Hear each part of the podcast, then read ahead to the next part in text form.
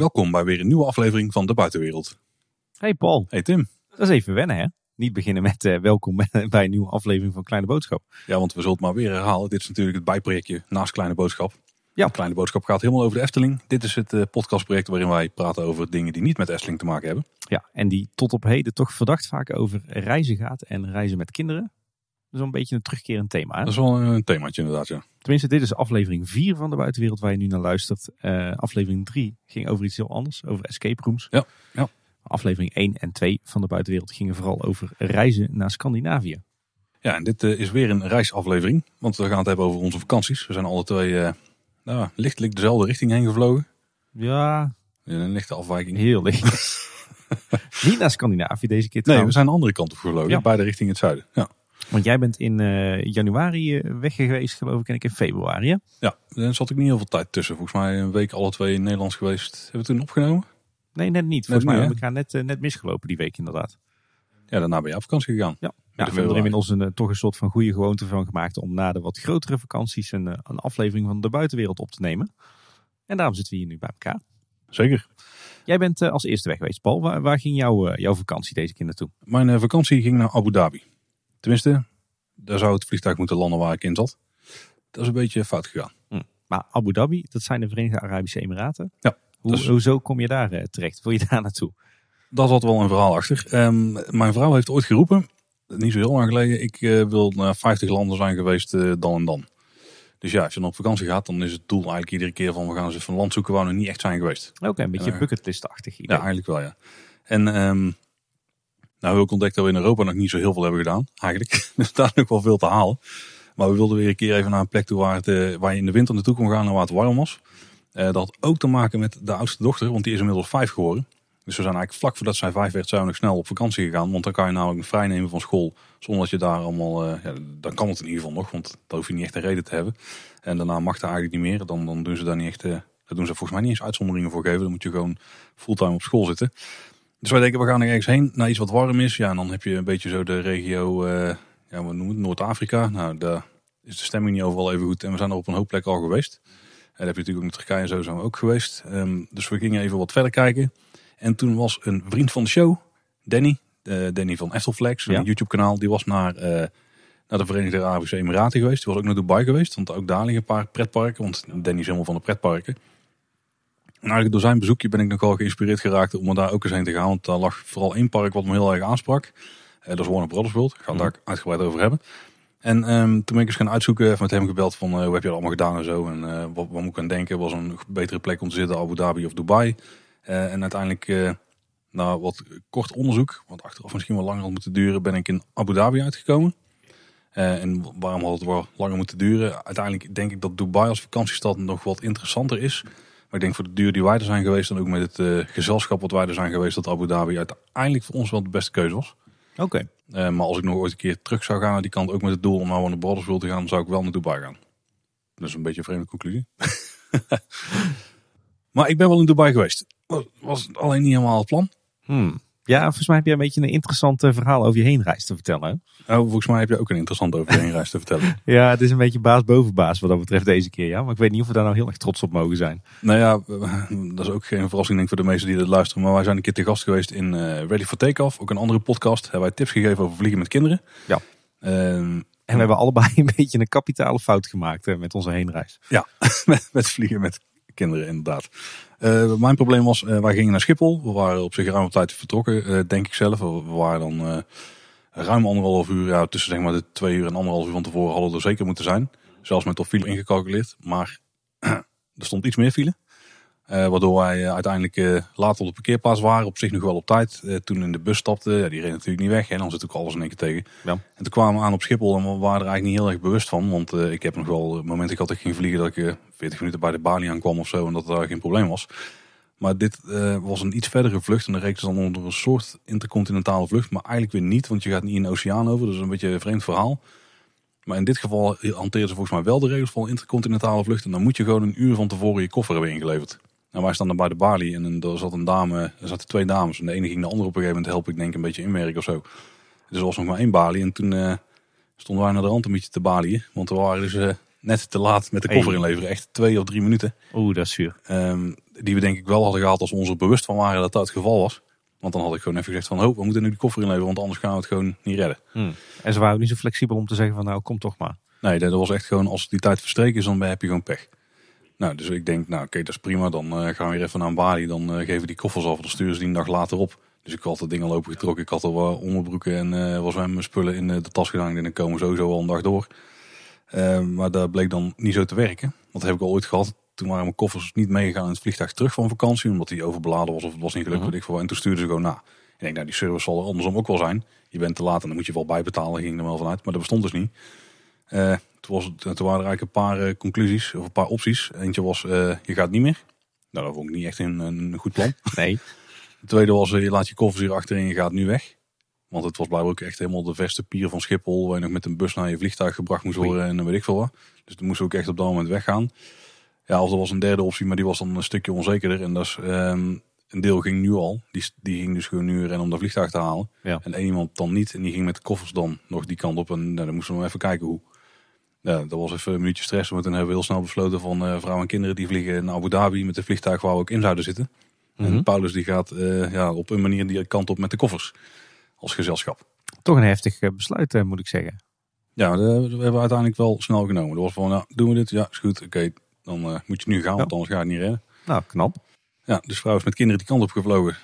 Die hadden best een goede vlucht gehad. En ik heb toen naar bij die balie gestaan even kijken van wat gaan we nou doen. En uiteindelijk bleek dus dat de meest voor de hand liggende optie eigenlijk was, is niet naar Abu Dhabi vliegen, maar naar Dubai. Mhm. Er ligt er effectief gezien, de vliegtuigen, de, de vliegvelden liggen denk ik effectief gezien een uur uit elkaar met de auto. Dus dat valt wel mee. Oh, dat valt mee. Ik dacht dat het veel verder uit elkaar was. nee, dat ligt uh, redelijk dicht bij elkaar. Alleen het vliegveld van Abu Dhabi ligt dan wel weer een half uur uit de stad. Dus dat is anderhalf uur of zo extra Oh, maar met de auto zitten. Ja. Dus eh, toen ben ik naar eh, Dubai gevlogen. En ik landde volgens mij vier uur later dan vrouw en kinderen of zo. Dus ik was achteraf iets van vijf en een half uur later in het eh, hotel of zo. Dan in.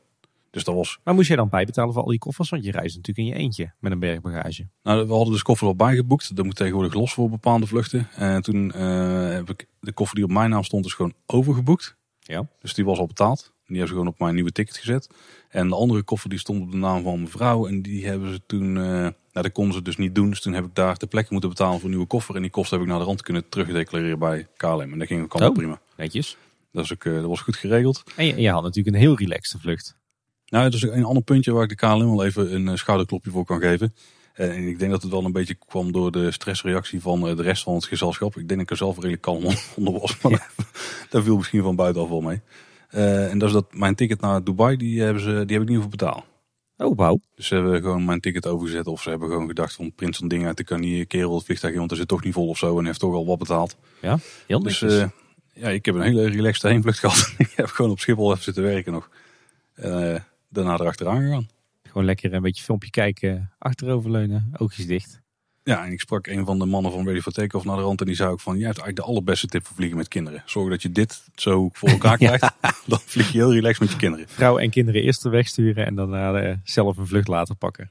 Ja, de, eh, en de terugweg ging gelukkig een stuk beter. Maar toen waren we ook echt veel, veel te vroeg op het vliegveld. Maar, eh, maar voordat we dan verder gaan naar wat daar om te doen was. Je had ook nog wel een vliegverhaal. Hè? Dan hebben we die meteen eh Ja, twee te pakken. ja, een vliegverhaal. Ja, het was eigenlijk iets breder dan dat. Eh, wij, hadden best wel, wij zijn dus naar Parijs geweest, eh, negen dagen. Ehm, hele leuke vakantie gehad, daar komen we nog wel op. Maar het was bij ons ook wel een beetje een vakantie met hindernissen. Maar dat begon eigenlijk al voor het vliegen. Eh, wij hadden allemaal wel iets met onze gezondheid. En dat is natuurlijk nooit leuk, maar zeker niet vlak voordat je op vakantie gaat. Mijn vrouw Anne, die, die was grieperig. Mijn jongste dochter, die was echt snipverkouden en ook grieperig. Die was al een paar dagjes thuis, ook van de opvang en zo. Dus dan is het wel redelijk serieus. Ehm, ik zat zelf nog met een, eh, een wondje van een operatie die maar niet eh, dicht wilde gaan en liep te ontsteken. En waar ik eh, een beetje mee van het kastje naar de muur werd gestuurd. De jongste dochter die was ook nog eens door een paard gebeten op de kinderboerderij. Nou, daar zei de dokter van, oh niks aan de hand, ze is ingeënt, hield vanzelf gewoon lekker op vakantie gaan. Nou, dat hebben we geweten. Dus eh, we hadden van tevoren, voordat we op vakantie gingen, hadden we echt zo'n lekker eh, eh, weekend voorbereid. Weet je wel, de vrijdag nog werken en dan op zaterdag even een dagje resetten. Dus gewoon met het gezin een dagje iets leuks gaan doen. En dan zondag zouden mijn ouders de kids ophalen. Hadden wij lekker de hele dag om nog wat inkopen te doen, in te pakken op het gemakje, even na te denken, hebben we alles? Maar ja, dat viel allemaal dus in, in het water, omdat we allemaal, bijna allemaal ziek waren. Dus die zaterdag toen ben ik even maar zelf met de oudste dochter snel uh, nog wat leuks gaan doen. En die zondag hebben we eigenlijk uh, ja, een beetje om en om moeten inpakken. Terwijl de kinderen gewoon thuis waren. En nou ja, het was allemaal lang niet zo relaxed als we gehoopt hadden en normaal gezien doen. Dus toen gingen wij op maandag uh, richting Schiphol. op zich ging onze heenreis best oké. Okay lekker op tijd thuis weggereden. Uh, alles zat mee. Dus uiteindelijk toen wij op Schiphol kwamen hadden we nog ruim drie uur de tijd voordat we zouden gaan vliegen. Zo, dat is voor mij dus echt een verschrikking. Maar nu heb ik uiteindelijk 3,5 uur zitten wachten op een vliegtuig. maar ja, dat was uh, super deluxe. En nou ja, die drie uur die komen ook echt wel vol als je met uh, twee kleintjes op Schiphol uh, zit. Met een beetje rondkijken en een beetje relaxen en een beetje eten, drinken, dat soort dingetjes.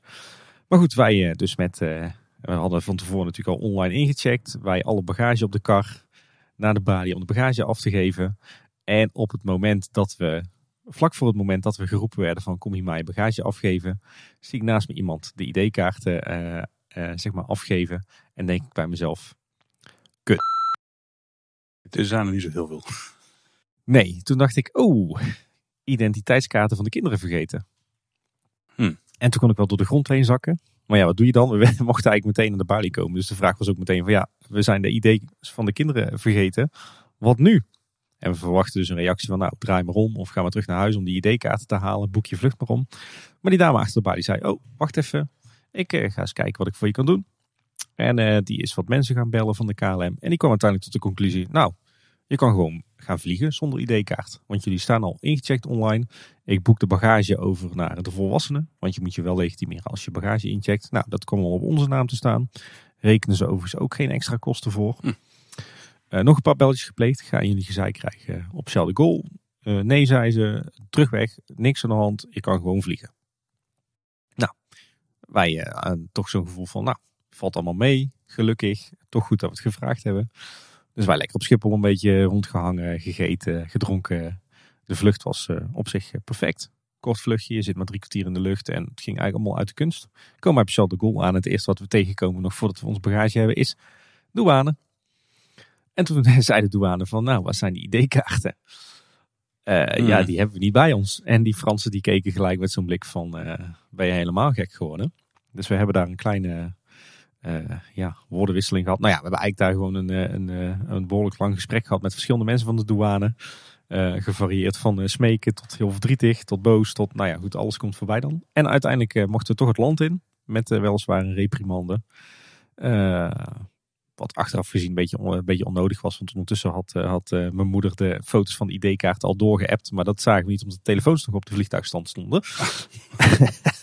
maar goed, uiteindelijk toch Frankrijk binnen, de bagage netjes gekregen. En nou ja, dat was een beetje ons avontuurlijke vliegverhaal.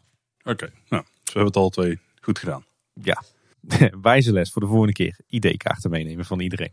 Ik heb uiteindelijk op Schiphol ook nog wel wat toekjes van, uh, van, het, ja, van het geheel gezien. Want ik ben bijvoorbeeld ook bij de douane geweest. Ik denk eens even checken van hoe zit het dan als vrouwen en kinderen daar dadelijk aankomen. Hebben die een brief nodig of zo? Moet ik nu even regelen dat ik iets e-mail of uh, via een berichtje stuur of zo? Maar ja, dat was allemaal niet nodig volgens hen. Dus, uh, Oké, en dat was ook zo? Ja, dat was ook zo. Ja. Ze hebben wel, ja, ze vroegen er wel een paar keer aan, leg je het gewoon uit. Maar in het vliegtuig werden ze extra verzorgd. Ze kregen allemaal extra spulletjes en oh, mooi. toilettasjes en dat soort dingen. Want ja, ze wisten ook niet of ze wel überhaupt op, in, in een hotel aankwamen waar ze iets van shampoo hadden.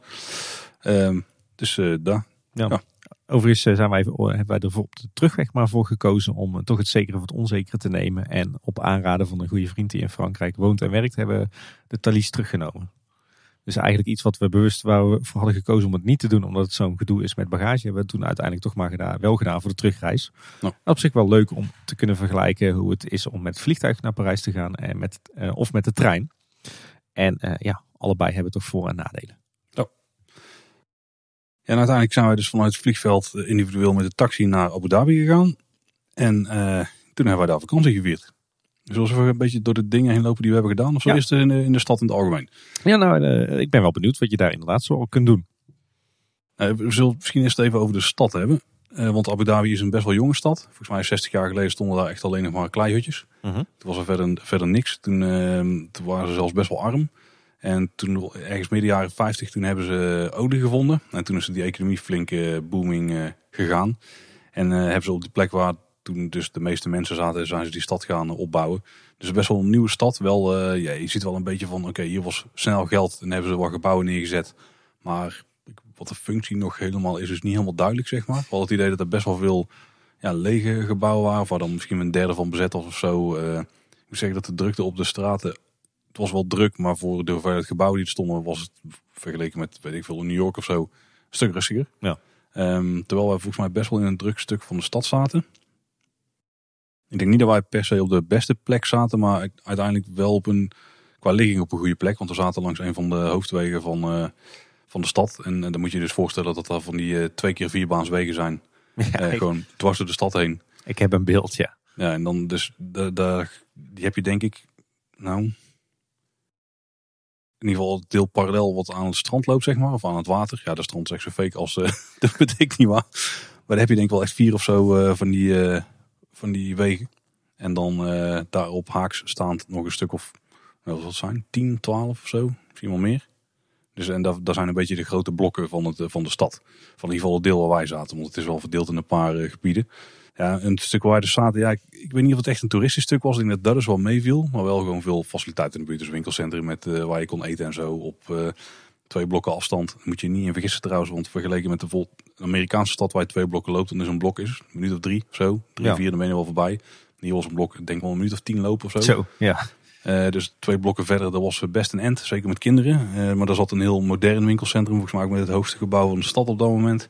En daarin zat onderin ook zo'n foodcourt en uh, allemaal restaurants. En uh, daar hebben we een paar keer gegeten. En er zaten best wel veel hotels in de buurt. Ons hotel was trouwens echt heel goed. Het hotel waar wij zaten, mocht je het willen opzoeken of mocht je ooit met kinderen die kant op willen gaan. Want dat is eigenlijk de reden dat we daar terecht zijn gekomen. Ja. We hebben naar een hotel gezocht um, waar je dus niet met z'n allen in één bed moet kruipen of zo. Waar je niet twee kamers aan elkaar hebt zitten, maar waar je gewoon een wat ruimere kamer hebt met een losse slaapkamer. Oh, daar was ik inderdaad wel benieuwd naar. Wat had je voor accommodatie daar? Nou ja, we hebben dus zitten zoeken en een hotelkamer vinden in Abu Dhabi is goed te doen. Ze zijn ook niet per se heel duur of zo. Um, ik denk dat we uiteindelijk voor het hotel voor het negen nachten iets van 1000 euro hebben betaald, denk ik. Oh, dat is uh, heel acceptabel, ja. Inclusief ontbijt. Dus daar wil niet tegen. En dus een, echt een kamer, nou, die was echt, echt enorm groot. Nou, in ieder geval echt een gigantische kamer. Ik weet niet precies wat het vloeroppervlak was, maar ik denk dat het ding wel 10 meter diep was en een meter of uh, 8 breed. Of zo. Ja, ik denk dat hij dat wel haalde. Dat is uh, een beetje een, een gemiddeld uh, huis uh, tegenwoordig. Nou, het was echt heel ruim opgezet. Gewoon met een eettafel, een bank en of een hele zithoek met stoelen. Dan nog een, zelfs een kantoorwerkplekhoekje. tv, losse slaapkamer dus. Een badkamer die was denk ik drie keer zo groot als degene die wij thuis hebben. Gewoon ook heel ruim. En een keuken erbij dus. Zelfs met, af, met, met, zelfs met de wasmachine erin. Wat, wat ik niet dat, is, dat is geen hotelkamer meer, dat is gewoon een appartement. En ze noemden het wel een hotelkamer volgens mij. Maar het was een of andere Hupplepup suite of zo. Maar de, weet, volgens mij waren alle kamers daar gewoon best wel ruim. Relatief gezien spotgoedkoop dan als ik hoor wat je voor dat geld kreeg. Nou, een echt enorm goed ontbijt. Um, het hotel was trouwens, dat heb ik volgens mij helemaal niet genoemd. Maar dat was het, uh, ik, ik, heb erop geoefend, maar ik ben er niet zo goed meer in. Het Almaha Arjan bij Rotana Hotel. Nou, klinkt behoorlijk Arabisch, Paul. Ja, dat is het ook. Maar die heb je dus heel veel daar blijkbaar. Het was degene aan uh, een beetje de hoofdstraat. Die is er al al ik de naam van de straat niet meer. Volgens mij de Bin Al Sayed uh, Sultan uh, Pupstraat of zo. Zoiets heet alles daar. Misschien moeten we een linkje in de show notes gooien naar de ja, website ik zal, van het hotel. Ik zal inderdaad wel even erop zetten, ja. Maar echt ook een heel goed ontbijt. Uh, super vriendelijk personeel. Dat was echt denk ik wel misschien wel het allergrootste pluspunt. Ik bedoel, de kamer was groot, schoon. we hadden een... We hadden dus een los slaapkamer, daar hebben we uiteindelijk een bed bij laten zetten. Dus we hadden zeg maar een bed voor ons en dan een kleiner bed voor de kinderen. Maar dat was ook gewoon een, een 21 breed bed of zo. Daar kunnen ze prima met z'n tweeën in liggen. En dat paste dus ook gewoon erbij, makkelijk. Met nog loopruimte eromheen. Um, en het ontbijt was dus heel goed. Iedere ochtend uh, goed geregeld, gewoon een buffetje. Uh, ik vind het altijd wel relaxed dat je wel, dan kom je gewoon beneden. Kun je eigenlijk helemaal volgooien. En dan kun je er zeker tot een uur of drie uh, wel aardig tegenaan, ja, zeg maar. maar het was uiteindelijk denk ik toch wel het personeel wat het allerbeste is bijgebleven. Um, je had sowieso al het personeel waar je tegenkwam was super vriendelijk. Overigens iedereen die daar een beetje in de, de leisure uh, tegenkwam, die waren uh, super vriendelijk. Um, wat de allerhandigste slash vriendelijkste mensen waren die er waren. Dat waren niet de mensen die achter de balie stonden. Maar er was iemand die daar een beetje naast stond. Dat was een, ja. team van denk drie of vier man of zo. Maar we hebben er twee heel veel gezien. En dan kon je gewoon alles aan vragen. Als je een beetje, de, ik weet niet of dat dan de bellboys zijn. Maar als je iets van een vraag had, iets wilde weten in de stad waar het was. Als je iets geregeld wilde hebben. Als je iets wilde wat niet helemaal uh, standaard was, zeg maar, dan kon je dat bij hun vragen en hingen daar gewoon regelen. Oké. Okay. En nooit een handje ophouden of zo. Uh, altijd okay. super vriendelijk. Uh, taxi voor je aanhouden. op een gegeven moment wilden wij de woestijn in. Maar niet, ik zal daar nog wat dieper op ingaan, maar niet met zo'n volledig georganiseerde tour. Want daar gaan ze allemaal kameel rijden en over duinen heen raken met auto's. Ik denk, dat is met onze kinderen niet zo relaxed. Maar we houden gewoon wel naar de woestijn, gewoon kijken. Ja, dat ging hij allemaal regelen. Terwijl dat niet echt een standaard boeking was, gewoon helemaal niet. Uh, en als je ergens heen wilde, dan, ja, dan kun je het best op die manier doen. En, uh, we, we, willen op deze manier daarheen reizen, niet met de taxi. Oh, dan kun je daar en daar, dan moet je daar ticket halen. En dan komt allemaal goed en zo. Dat was echt, echt heel relaxed. En vooral gewoon dat je nergens het idee had van als ik met hun iets ga doen, dan kost me dat extra of zo. Weet je wel, wat dan toch altijd zo'n soort drempel is waar je overheen moet. Maar gewoon, uh, ja, maar het, heel het was, het was dat dus ook allemaal wel ingesteld op westerse toeristen dan? Iedereen kon Engels. Ik denk dat we oh, niemand hebben aangesproken die geen Engels terug kon spreken. Hm? En ook uh, op, op een gegeven moment zijn we ons een beetje als locals gaan gedragen. Want in het begin deden we alles met taxis de eerste anderhalf dag of zo. Toen dachten we van we willen naar die kant op. Dat zal best wel met een bus moeten kunnen. Want ja, die rijden hier uh, regelmatig langs zagen we ochtends als we zaten te ontbijten zeg maar. Dus uh, toen hebben we daar gewoon gevraagd. Zeiden, ja, dan moet je naar dat gebouwtje daartoe gaan. Daar kun je dan een, een buskaart kopen. Dus gewoon een beetje vergelijkbaar met hier. Een soort OV-chipkaart waar je geld op zet. Kostte 40 dirham. Om een beetje te schetsen hoeveel dat is. Ongeveer 10 euro. Volgens mij net iets erboven als je de wisselkoers meeneemt. Dus 10 euro 30 of zo. Uh, en daar zat dan voor 7,50 aan reistoegoed op. En dus dat is 30 dirham. En het kostte dus per ritje binnen de stad 2 dirham. Nou, dus kun je even mee 50 cent ja. per persoon. En de kinderen waren dus gratis. Hè? Dus we, we, hebben twee van die dingen gekocht. Daar hebben we de laatste zeven dagen volgens mij alles mee gedaan. Alleen niet naar het vliegveld gegaan. Dat is het enige waar we een taxi voor hebben geregeld. En toen zaten we dus ook bij de locals. En we stonden daar dus uh, in. Want dan zit je dus gewoon bij de mensen die ergens gaan werken in de stad. Weet je wel, die in de hotels werken. Of die gewoon uh, daar in een kantoor zitten. Want die zitten er dus wel best veel. Ook heel veel zorgcentra en zo trouwens. En um, toen vroegen van, hoe weten we eigenlijk wanneer de bus komt? Want er stond bij de bushalte wel zo'n paaltje, maar hoe die dan rijdt of waar die heen gaat, weet je niet. Nou, dus die praten gewoon eh, perfect Engels terug van, nou, dan moet je die app downloaden. Hier is hij, dit en daar, liet even zien hoe het werkt en zo, weet je wel. En dat was eigenlijk gewoon overal. Als je iemand aansprak op straat, in een restaurant of zo, sowieso. Iedereen die kon gewoon ja, goed Engels. Netjes. En was het nou zo in, in januari ook uh, erg toeristisch daar? Of, uh... Nou, daar is inderdaad wel een mooi punt wat je aanhaalt. Want uh, wij gingen in januari die kant op. Want ja, het is een land wat wel bekend is dat het warm is. Hè? Maar het is ook wel bekend dat daar 45 graden kan zijn of soms nog wel eens warmer. En we zijn bewust in januari gegaan, want dan zou het tussen de 20 en 25 graden zijn. Nou, en dat klopt eigenlijk perfect. Oh, dat zijn prettige temperaturen. Ja, volgens mij is dat het gemiddelde tussen de 23 graden of zo. En dan ja, was gewoon goed te doen. Zeg maar in de zon dan was het echt warm. En als je in de schaduw liep, dan, nou, dan moest je af en toe een vestje aan, maar dat ook niet echt vaak. Prettige temperatuur voor zo'n wintervakantie. Het kon wel hard waaien af en toe. En dan had je wel echt een vestje nodig. Zeker in de avond, dan wilde het wel eens nog wel gaan waaien. En dan... de zandstorm. Nou ja, dat niet. ja, wel, we, ja, we hebben wel plekken gehad. Je ziet wel overal de zand aan de gebouw hangen, zeg maar. Je kunt wel zien waar ze geld investeren in het schoonmaken van de gebouwen en waar niet. Maar verder in het algemeen, ja, het is, het is gewoon een, een ontwikkelde stad. Een beetje wel op de westerse manier. Um, maar wel met heel veel uh, Arabische invloeden. Vooral op het gebied van, uh, ja, van, van hoe hun met uh, bijvoorbeeld vrouwen omgaan. Dat valt dan heel erg op. Dus in de bus had je een bepaald gebied. Of een bepaald gebied, een bepaald stuk van de bus waar alleen vrouwen mochten zitten. Meestal voorin. En dan was in principe niet de bedoeling dat de mannen mochten, gingen zitten. Dus die zaten ook allemaal een beetje, voor mijn gevoel, mos achterin, schouder aan schouder, zeg maar. Want daar mochten ze dan wel zitten. en alles heel strikt gescheiden. Ook gewoon af en toe wat je gebedsruimtes en zo, die waren natuurlijk ook gescheiden. En dan de toiletten uiteraard gescheiden. Maar op heel veel plekken viel het op dat voor vrouwen dat er net wel anders mee werd omgegaan dan met mannen. En hoe was het dan voor jullie? Want ja, hoe ging jij daar dan mee om, bijvoorbeeld in zo'n bus? Ik, we hadden een buggy bij vaak. Dus die moest iemand bijhouden, anders dan knikkerde die om, want de rem is kapot. Dus ik stond daar altijd gewoon te staan. Ah, ja, ja. ja, zo ging dat. Je had een goed excuus.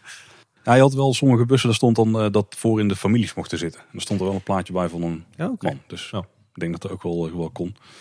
Eén uh, ding, één, één plek viel heel erg op. Dat was de moskee van Abu Dhabi. Ik denk dat dat wel echt de, dat is denk ik wel de toeristische hotspot daar. Ja. Daar hebben ze een redelijk recent een moskee geopend. Ja, ik weet niet hoe lang die precies open is, maar echt de afgelopen tien jaar. En daar is het volgens mij de duurste ter wereld of zo. Volgens ja, ik klopt ook wel wat foto's van voorbij zien komen. Ja. Volgens mij is er meer dan 500 miljoen aan, uh, aan dollars ingegaan. Dus uh, dat ding heeft aardig wat gekost. Maar ja. daar hebben ze ook gewoon meteen echt een gigantisch bezoekerscentrum bij aangelegd. Het een beetje Louvre-achtig aandoet. Maar dan niet met piramides, maar met een soort... ja, weet je wel, van die, van die, van die bovenkanten van toortjes die je wel een beetje voorstelt. Een beetje zo'n omgekeerde kelk. minaretten, zeg maar. Nou, ja, het zijn trouwens een beetje meer van die American voetbal trouwens afgekapt. Oké. Okay. Dat, is, dat is eigenlijk een beetje wel wat het is.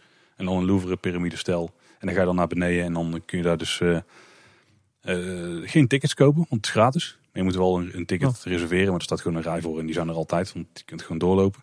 Maar dan kom je op een gegeven moment op het punt, dan ga je uh, de grond denk op van de moskee zelf. En dan moeten vrouwen dus allemaal gesluit. En ja, we hebben natuurlijk zelf geen sluier in de, in de tas zitten. Dus die kun je dan daar ook weer gratis krijgen. Maar ja, dan moeten dus alle vrouwen daar gesluisterd. Terwijl daar ook gewoon mannen rondlopen met uh, ja, nog net geen... Uh, gewoon, ja, gewoon een chill t-shirtje en nog net geen korte broek. Want je moet wel je knieën bedekt hebben en dat soort dingen. En je schouders. Dan denk ik, ja, dat is ook wel een vreemd, vreemd verschil, weet je wel. Er lopen echt mannen ja. slonsen bij. En vrouwen lopen allemaal strak met de sluis om en de haren verstopt. Maar ja, dat is gewoon hoe, hoe het werkt in het... dat is de cultuur, hè? Ja, precies. En ook specifiek dan bij die moskee kan ik me dat wel voorstellen. Want verder hebben we daar eigenlijk nergens echt gehad. Hoewel een, hij heeft dan nog wel een paar plekken waar je ook wel vreemde regels tegenkomt. In de winkelcentra was nog iets, maar ik weet niet precies wat dat nou was. Dus daar, ja, daar moet je wel gewoon een beetje rekening houden en een beetje ja, respect voor hebben, denk ik. En dan uh, heb je daar eigenlijk helemaal geen problemen mee. Ja, pas je altijd gewoon aan aan het land waar je te gast bent, hè? Ja, we hadden voor de kinderen gewoon een klerenbus bij met dat de schouders en de knieën een beetje bedekt waren. Voor kinderen doen ze niet zo heel moeilijk over hoor. En zeker op stranden en zo, daar loopt iedereen daar gewoon een bad pakken. Dus daar moet je allemaal verder niet zo druk om maken. En bij de toeristische plekken loopt iedereen ook gewoon in korte broeken en zo uh, rond.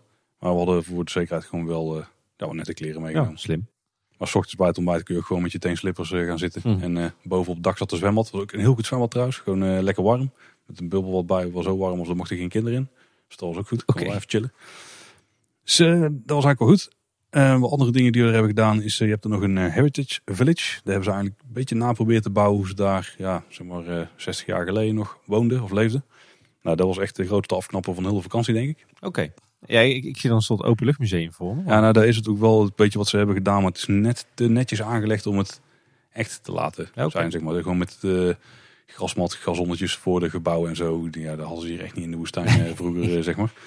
Uh, wel wat stukjes waar, waar, je nog wel authentiek handwerk en zo uh, gedaan ziet worden. Dat is dan wel leuk. En die mensen die het laten ook allemaal graag zien. En uh, niemand doet het. is bijvoorbeeld anders dan Turkije of in Egypte, waar mensen constant staan te belen om geld en alles van je willen aftroggelen. Dat is daar echt gewoon helemaal niet. Iedereen laat er gewoon echt heel graag zien. Dus dat was allemaal fijn. Maar ja, er staat er ook wel zo'n stukje waar je op een kameel kunt rijden. En dat ding, die kameel, daar zie je gewoon dat die helemaal is dat hij niet echt netjes wordt behandeld, zeg maar. Weet je wel? Dat hadden onze kinderen, die hadden daar zelfs door. En die zijn daar vaak dan toch wel wat blinder voor dan uh, volwassenen. Dus zeiden van, dat is wel heel zielig voor die kameel. Ja, dat klopt, ja. Nou, en de, dat viel een beetje tegen. Maar als je er bent, ja, het is gratis ook. Dus als je die ambachten leuk vindt, dan kun je daar in ieder geval checken. Uh, we zijn ook naar de woestijn geweest dus. Nou, daar zitten de meestal, ga je er naartoe met een, uh, met een grote tour. Dan word je met z'n allen in bussen gestampt en word je richting de woestijn gereden. En we hebben dat wel eens gedaan in Tunesië bij de Sahara. En dan, dan stop je gewoon ergens langs de weg, loop je een stuk de woestijn in en dan ben je echt in de woestijn, zeg maar. Maar dat was hier niet. Hier hebben ze dus denk ik wat particuliere stukken grond of zo uh, door de staat afgestaan. Ja. Of in ieder geval die hebben ze verkocht. En daar zitten dan van die grote kampen. Met allemaal tenten en gewoon faciliteiten. En uh, wel een beetje houtje, houtje touwtje. Zeker als je achter de schermen kijkt. Wat wij dus konden doen. Want wij waren daar buiten de tijden dat daar hele groepen waren. Um, ja, dan word je daar gewoon zo'n kamp in gestampt en dan gaat daar, uh, wordt daar gebakdanst. Dan heb je daar s'avonds eten en drinken bij vuur. En dan kun je met een uh, soort snowboard van de berg af. En dan kun je uh, ons de beurt in een jeep. En dan kun je daar een beetje, of een 4x4 dingen, dan kun je daar een beetje over de duinen heen raggen. Meestal dat iemand anders rijdt natuurlijk. Of ook op middel rijden, een beetje dat soort dingen. Ja, toch een klein beetje tourist trap dan. Heel erg, ja, heel erg. En we, we waren er dus gewoon overdag, want wij hadden uiteindelijk dus dankzij een van de mannen achter de balie. Gewoon een, een chauffeur, privéchauffeur, en die had ons daarheen okay, gereden. Nice. En we waren toen wel naar die kampen gegaan, want dat is gewoon de plek waar je in mag. Volgens mij mag je niet overal zomaar de woestijn inlopen daar. En uh, toen hebben we daar dus een beetje kunnen zien hoe dat er normaal gesproken aan toe gaat. Zeg maar de, de faciliteiten, want er was verder helemaal niemand, was echt uitgestorven. Ja, dan loop je daar gewoon de, de, enige duin op die aansluit op dat terreintje. Ja, daar kun je dan oplopen en een beetje kijken. Dat was verder wel heel mooi hoor. Alleen, ja, zo fake, zeg maar. Ja, dat was ook wel een licht tegenvalletje. Hoewel het hmm. gewoon het daar zijn was wel, was wel mooi, maar dat was niet helemaal wat we ervan hadden gehoopt. Uh, dan heb ik nog wat dingetjes over de stad. De stad zelf, die is uh, niet echt wandelaarsvriendelijk, vond ik. En al helemaal niet rolstoelvriendelijk. Uh, ik had net over die grote vierbaanswegen. Nou, die kruisen elkaar op een paar punten. En op al die plekken waar ze elkaar kruisen, heb je van die zijwegen. Dus dan lopen, als je rechtsaf gaat, dan kun je in principe gewoon doorrijden. En dan kom je, dan moet je invoegen op die vierbaansweg. En dan, dan kun je daar zonder stoplichten langs rijden. Maar dat betekent dus dat als jij een voetganger bent en jij gaat oversteken. Ja. Dan moet jij eerst de afslagje oversteken. Dan kom je op een soort driehoekig eilandje tussen die eh, afslagrijstrook en de, de, kruising. En dan moet je vanaf daar dus weer een ander driehoekje oversteken over de twee keer vierbaansweg. Waar je soms in het midden wordt opgehouden, waar echt maar strookjes van een meter breed, waar je soms met twintig man staat te wachten en auto's die aan twee kanten voorbij razen. Klinkt uitdagend. Ga je weer over en dan sta je dus weer op zo'n driehoekje en dan moet je dus weer, daar heb je overigens wel zebrapaden. Mensen moeten dus wel wachten op jou. En dan steek je daar weer over en dan, uh, ja, dan ben je dus aan de andere kant. Nou, dat is al iedere keer een hele operatie, zeg maar. Daarom is het lopen van het best lang.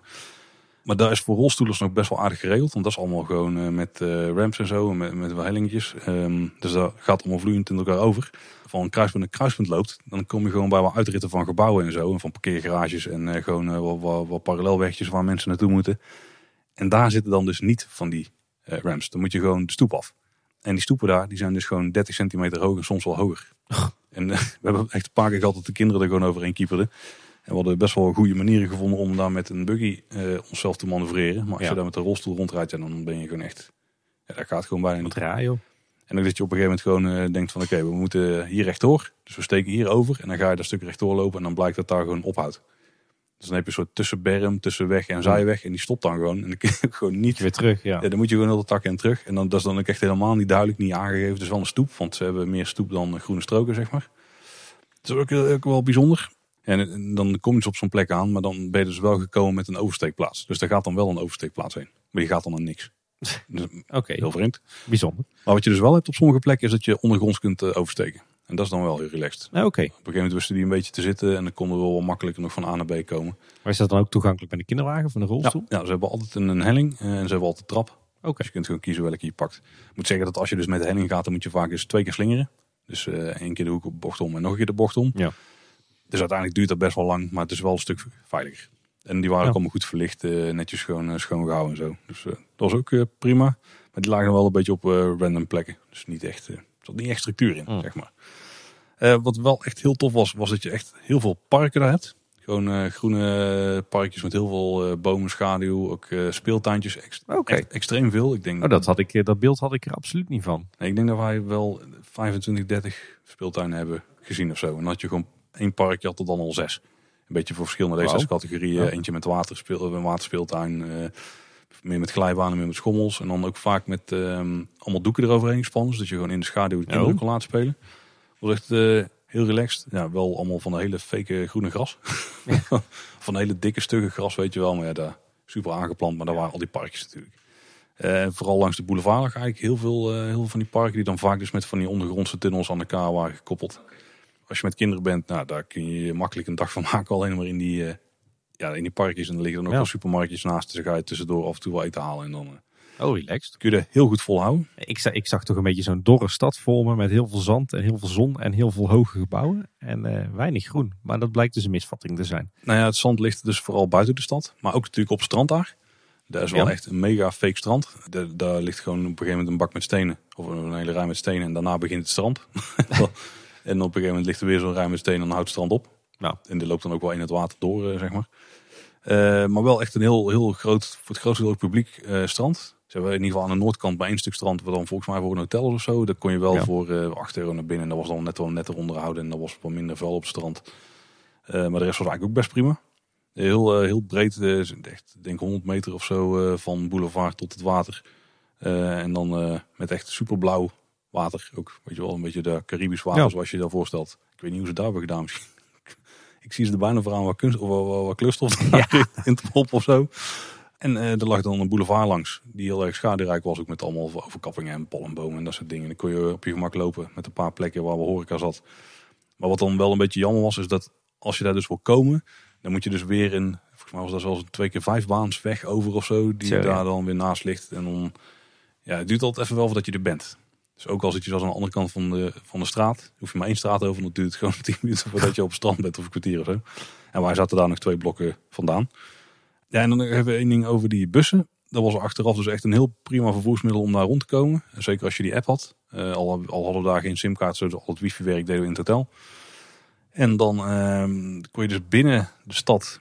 En dat is eigenlijk een beetje de strook die, eh, ja, die vanaf, vanaf het water, zeg maar een kilometer of twee naar binnen loopt, denk ik. Kon je dus alles voor twee eh, dirham doen. En als je bijvoorbeeld naar eh Jas Island wilde, wat Ja. dan een heel toeristisch gebied is, wat eh, ja, op ongeveer 25 minuten uit de stad lag, dan eh, kostte dat 4 dirham. Dus een euro ongeveer. Ook geen geld. Nee, Jas Island is dan de plek waar echt een enorm winkelcentrum ligt. Waar Ferrari World ligt, waar eh, Jas Water World ligt en waar Warner Brothers World ligt. Maar bijvoorbeeld ook het eh, Formule 1 circuit van eh, Abu Dhabi. Dat was voor jou een beetje de, het epicentrum van, eh, van waar je naartoe wou deze vakantie. Ja, eigenlijk wel ja. Dat was wel eh, een van de voornaamste redenen dat we daar naartoe zijn gegaan en niet een andere plek. En ik kwam dan dus vooral door Warner Brothers World. eh, maar laten we die even als laatste bewaren. Daar zijn we als eerste heen gegaan. Maar dat was, eh, veruit de interessantste van de drie, denk ik. Had ik ook wel verwacht eerlijk gezegd hoor, op basis van verhalen van anderen. Ja, dat wordt de park is dat goed bekend. Volgens mij heb je een uh, heb je Team Park Insider. Daar is het het beste pretpark ter wereld genoemd. Vorig jaar was de Efteling dan nog. De twee, de twee jaar daarvoor en daarvoor was het uh, Disney Sea in Tokio. En er zijn wel al twee parken waarvan we weten dat die heel goed zijn. Ja, dus, precies. dus ik hoopte dat dit ook wel heel goed zou zijn. Uh, wat wel interessant is daar, je hebt dus um, Abu Dhabi. Ik heb helemaal niks van de geografie eigenlijk een beetje duidelijk gemaakt. Hè?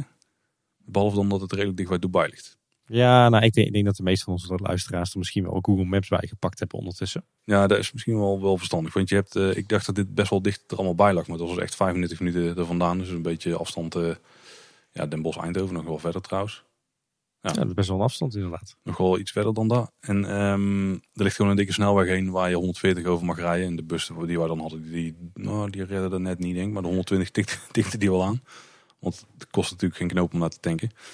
Uh, maar de stad ligt dus een beetje ja, aan het water en aan de zee. Maar er rondomheen liggen ook heel veel grote plassen en ook eilanden.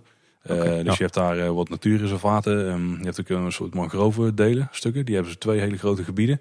De laatste dag dat wij er waren, toen is een uh, gebied geopend waar je over van die boardwalks over de, door de mangrove heen kon lopen. We wilden oh, eigenlijk nog heen, maar ja. ja. daar was niet zo duidelijk of dat die open was. Ik kwam eigenlijk thuis pas achter dat die ook echt daadwerkelijk was open gegaan. Want dat was heel onduidelijk. Ja. er zijn ook wat tips, maar een van die eilanden is dus Jas Island. Um, en daar zijn ze jaren geleden begonnen om daar een enorme toeristen ja, resort bestemming ding uit de grond te stampen. Is een beetje begonnen met uh, wat hotels, het circuit en uh, Ferrari wilt.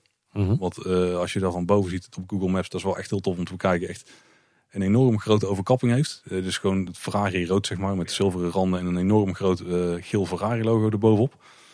Dat schildje. daar zijn wij heen geweest. Er ligt, inmiddels was daar ook een enorm winkelcentrum naast gebouwd. Zo groot heb ik er nog nooit een gezien. Maar het was zo niet eens de grootste van de wereld. Maar wel van Abu Dhabi volgens mij. En Ferrari wilt het een beetje beetje een vreemd park. Het was niet helemaal wat ik ervan had verwacht. Uh, ook weer deels wel.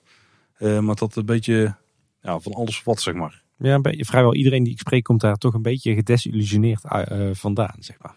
Ja, kijk, als je Ferrari wilt kent als pretparkliefhebber, dan weet je dat er één hele goede reden is om erheen te gaan. En dat is dat daar de allersnelste achtbaan ter wereld ter ligt. Wereld, ja. ja. dus daar moesten we natuurlijk in. maar ja, verder Ferrari wilt, weet je wel, een pretpark wat dan gelinkt is aan één automerk. Hoe kan je daar iets interessants van maken? Ik moet zeggen dat dat deels wel is gelukt. Want ze hebben het voor een groot deel gethematiseerd richting Italiaanse, ja, richting Italië eigenlijk.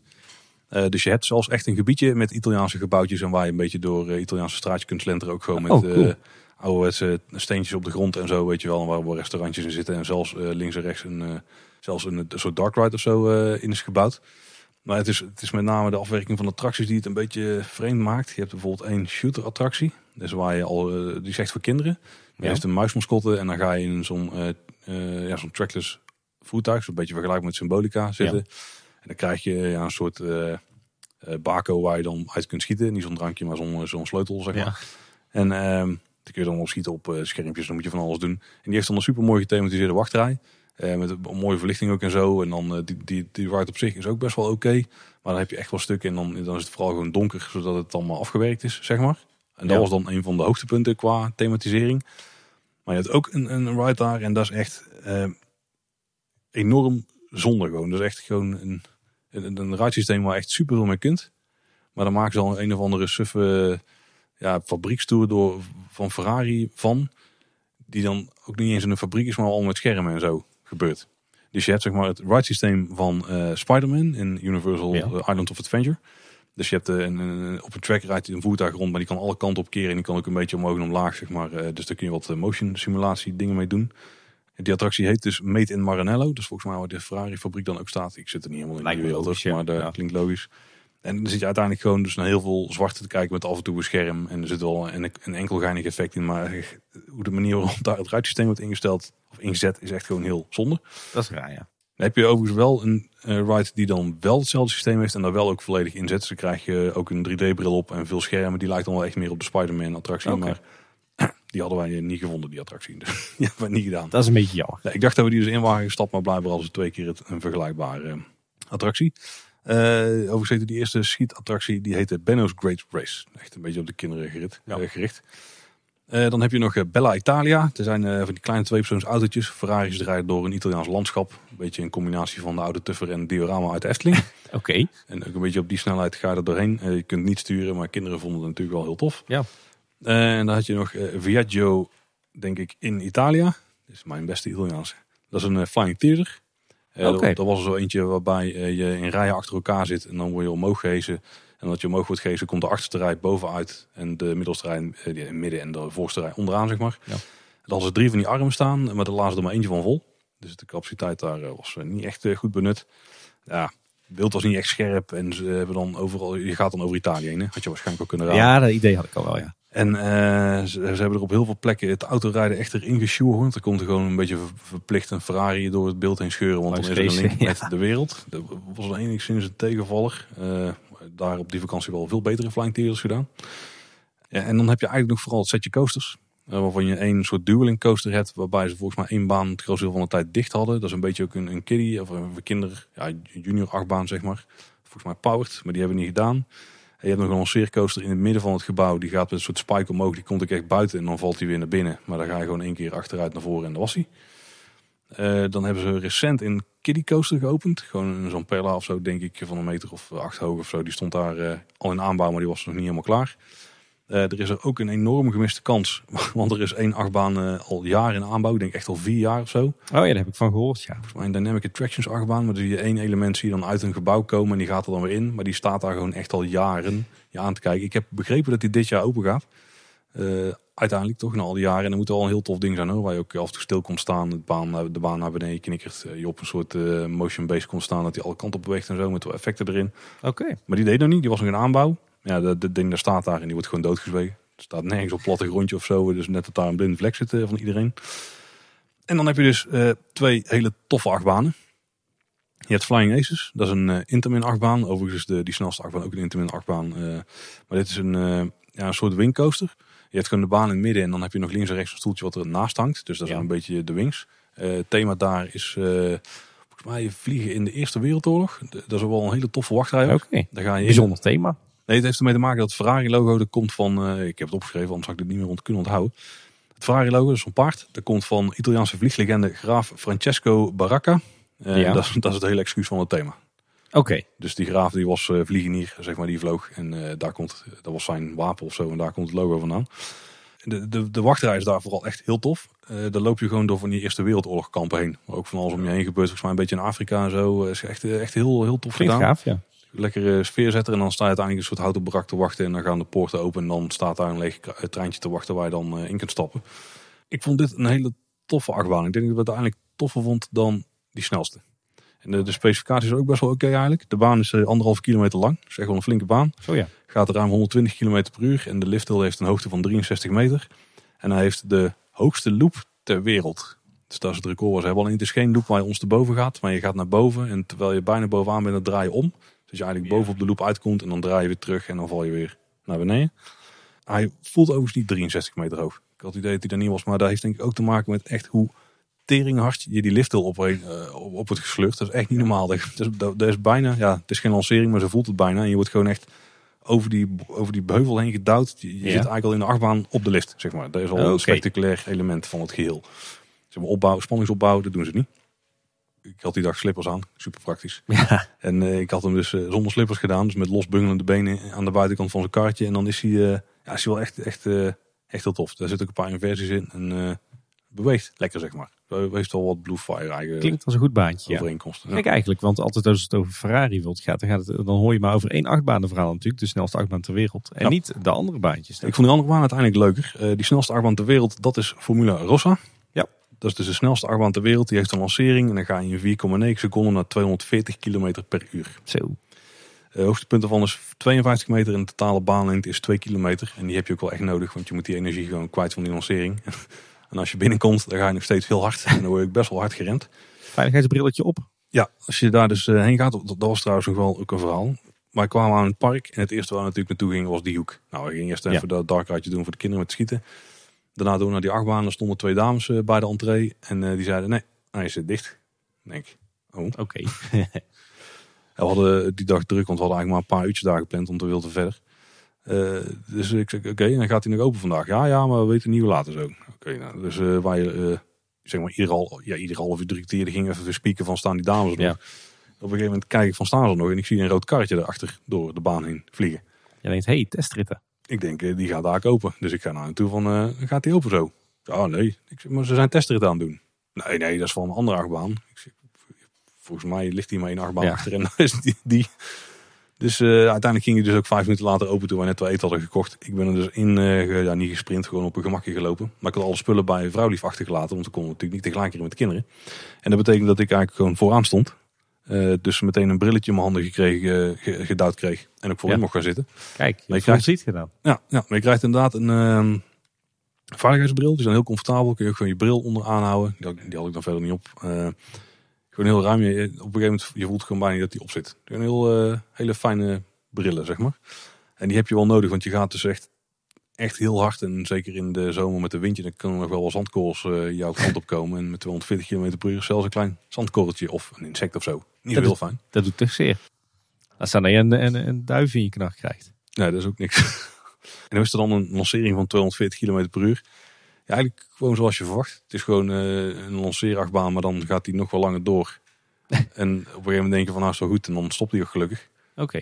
En dan, eh, dan, dan als in de lancering stopt, dan ga je nog een stukje rechtdoor en dan ga je een hoge heuvel op en dan is het eigenlijk uitrijden. Maar dan ga je dus wel een paar eh, bochten door. Dan word je echt wel flink in je stoel gedrukt.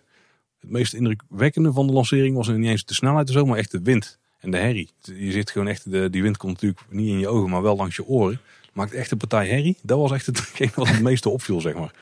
Ja, en dan zit je daar dus eh, in een lancering met je, in je stoel met je wapperende wangen. Ja. Ja, en dan, eh, daar gaat het gewoon wel een tijdje door, ja. Want ook als je de eerste bocht hebt bent, ga je nog steeds keihard. En aan het einde heb je nog wat bunny hops en eh, de airtime viel wat tegen. En ik moet zeggen, die andere achtbaan vond ik dus beter. Dit was wel een hele toffe ervaring. Maar het is niet echt verder een topbaan of zo. Dus voor de ervaring, die lancering, ja, dat is echt heel tof. Ja. En dat je het hebt Gedaan. gedaan. gedaan hebben, ja precies. Maar verder, ja, viel eh, wel enigszins, ja, het viel niet tegen. Maar, het- maar het was niet zo goed als die andere. En dan sfeer in het park even kort. Een beetje high energy. Dus veel eh, pompende beats eh, die door de speakers komen. Niet altijd even smaakvol. Heel veel ruwe randjes. Dus deels industrieel, zeg maar. Maar deels ook met de Italiaans. Ja, dat sluit ook niet echt allemaal lekker op elkaar aan. En Ik heb een beetje dat, dat gevoel wat je een beetje in de, de- rondom de Goliath in, eh, in ik wou zeggen Six Flags Holland, maar wat je een beetje in Walibi Holland hebt, zeg maar, dat sfeertje. Ja, maar dan kleurtechnisch klopt het wel iets beter. Dat is scheelt. Het is veel rood, zilver, zwart en eh, wit. Ja, je kunt er natuurlijk goed Italiaans eten. Had je wel verwacht, denk ik. En op bepaalde plekken die voelen wel heel erg ruw. Dan heb je echt het idee van hier stond de wand. Daar hebben ze gewoon een gat ingeslagen. En dan hebben ze daar een hal achter gezet. En daar staan er wat simulatoren in of zo. Gewoon ook zwart al niet afgewerkt. eh, open plafonds, eh, weet ik. Dat, dat was een beetje een vreemd hoekje. Eh, ik vond het ook heel vreemd hoe het met toiletten werkte. Die zaten dan vaak een verdieping hoger dan waar je liep. En dan moest je echt gewoon met de lift naar het toilet toe.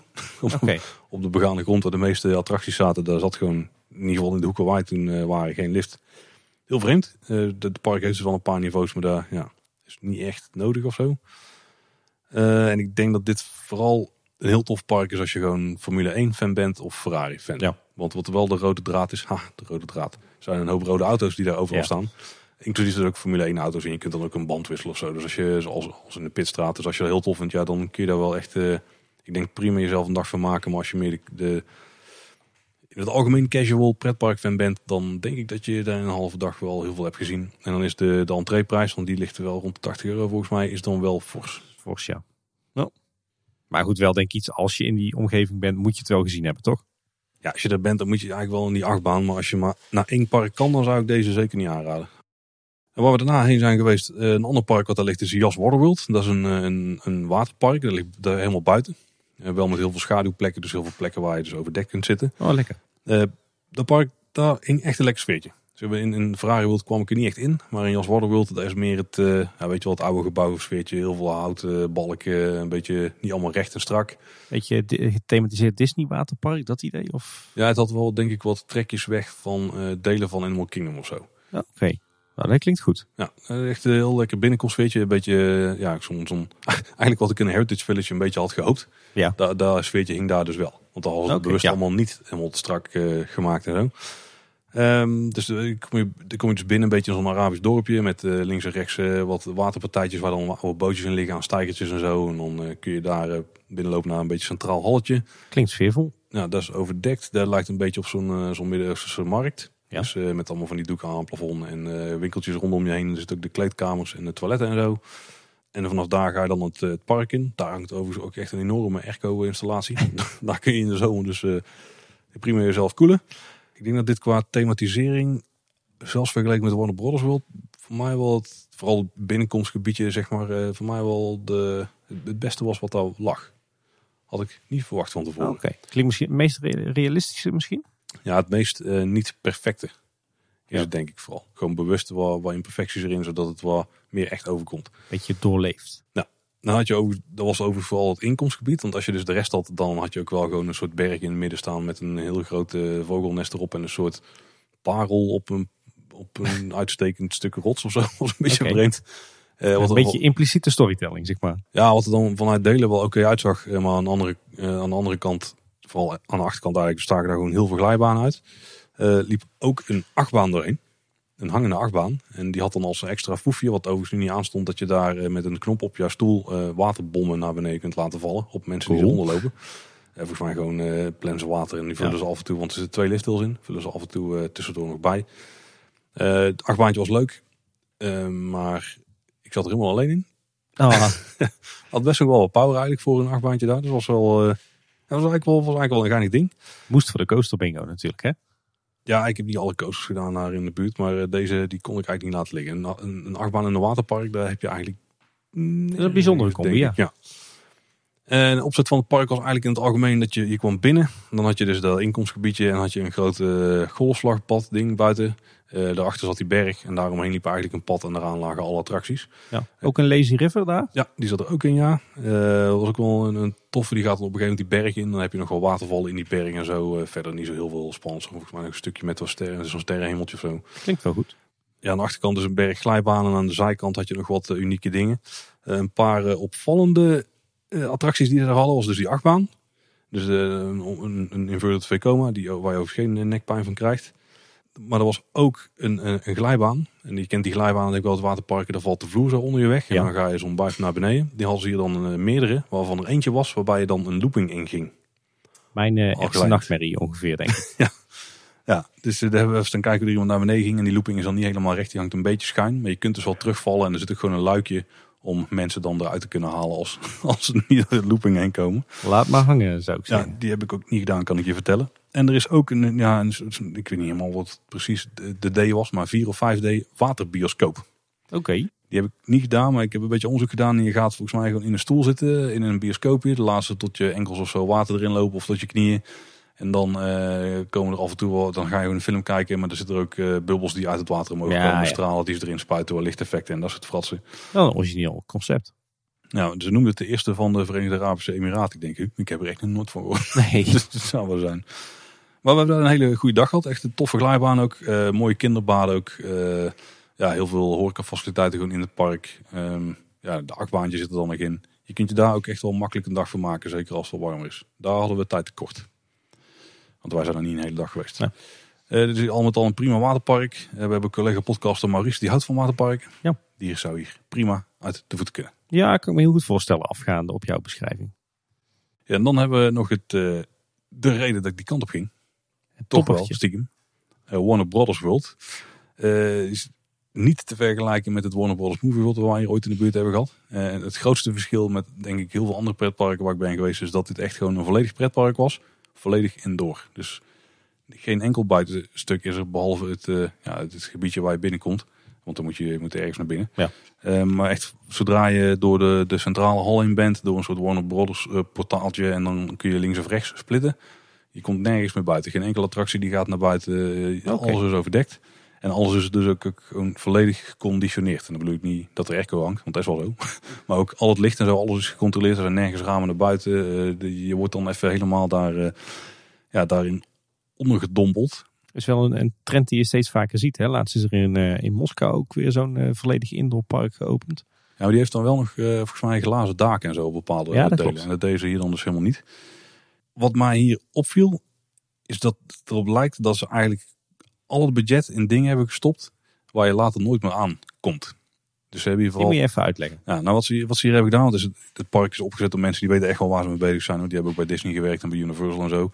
Maar die hebben eh, super mooie, nou ik, moet, het- ik ben het eigenlijk gewoon van de grond af aan opbouwen. Ze hebben op een gegeven moment gekozen, we gaan hier attracties Fundering. neerzetten. Ja, ja, dat hebben ze ook sowieso gedaan. Ja. Van we gaan hier attracties neerzetten. Uh, ze op een gegeven moment hebben besloten om het publiek te bedienen. En wat enigszins nog wel uh, past bij de thema's die we hebben, hebben we een bepaalde types gekozen.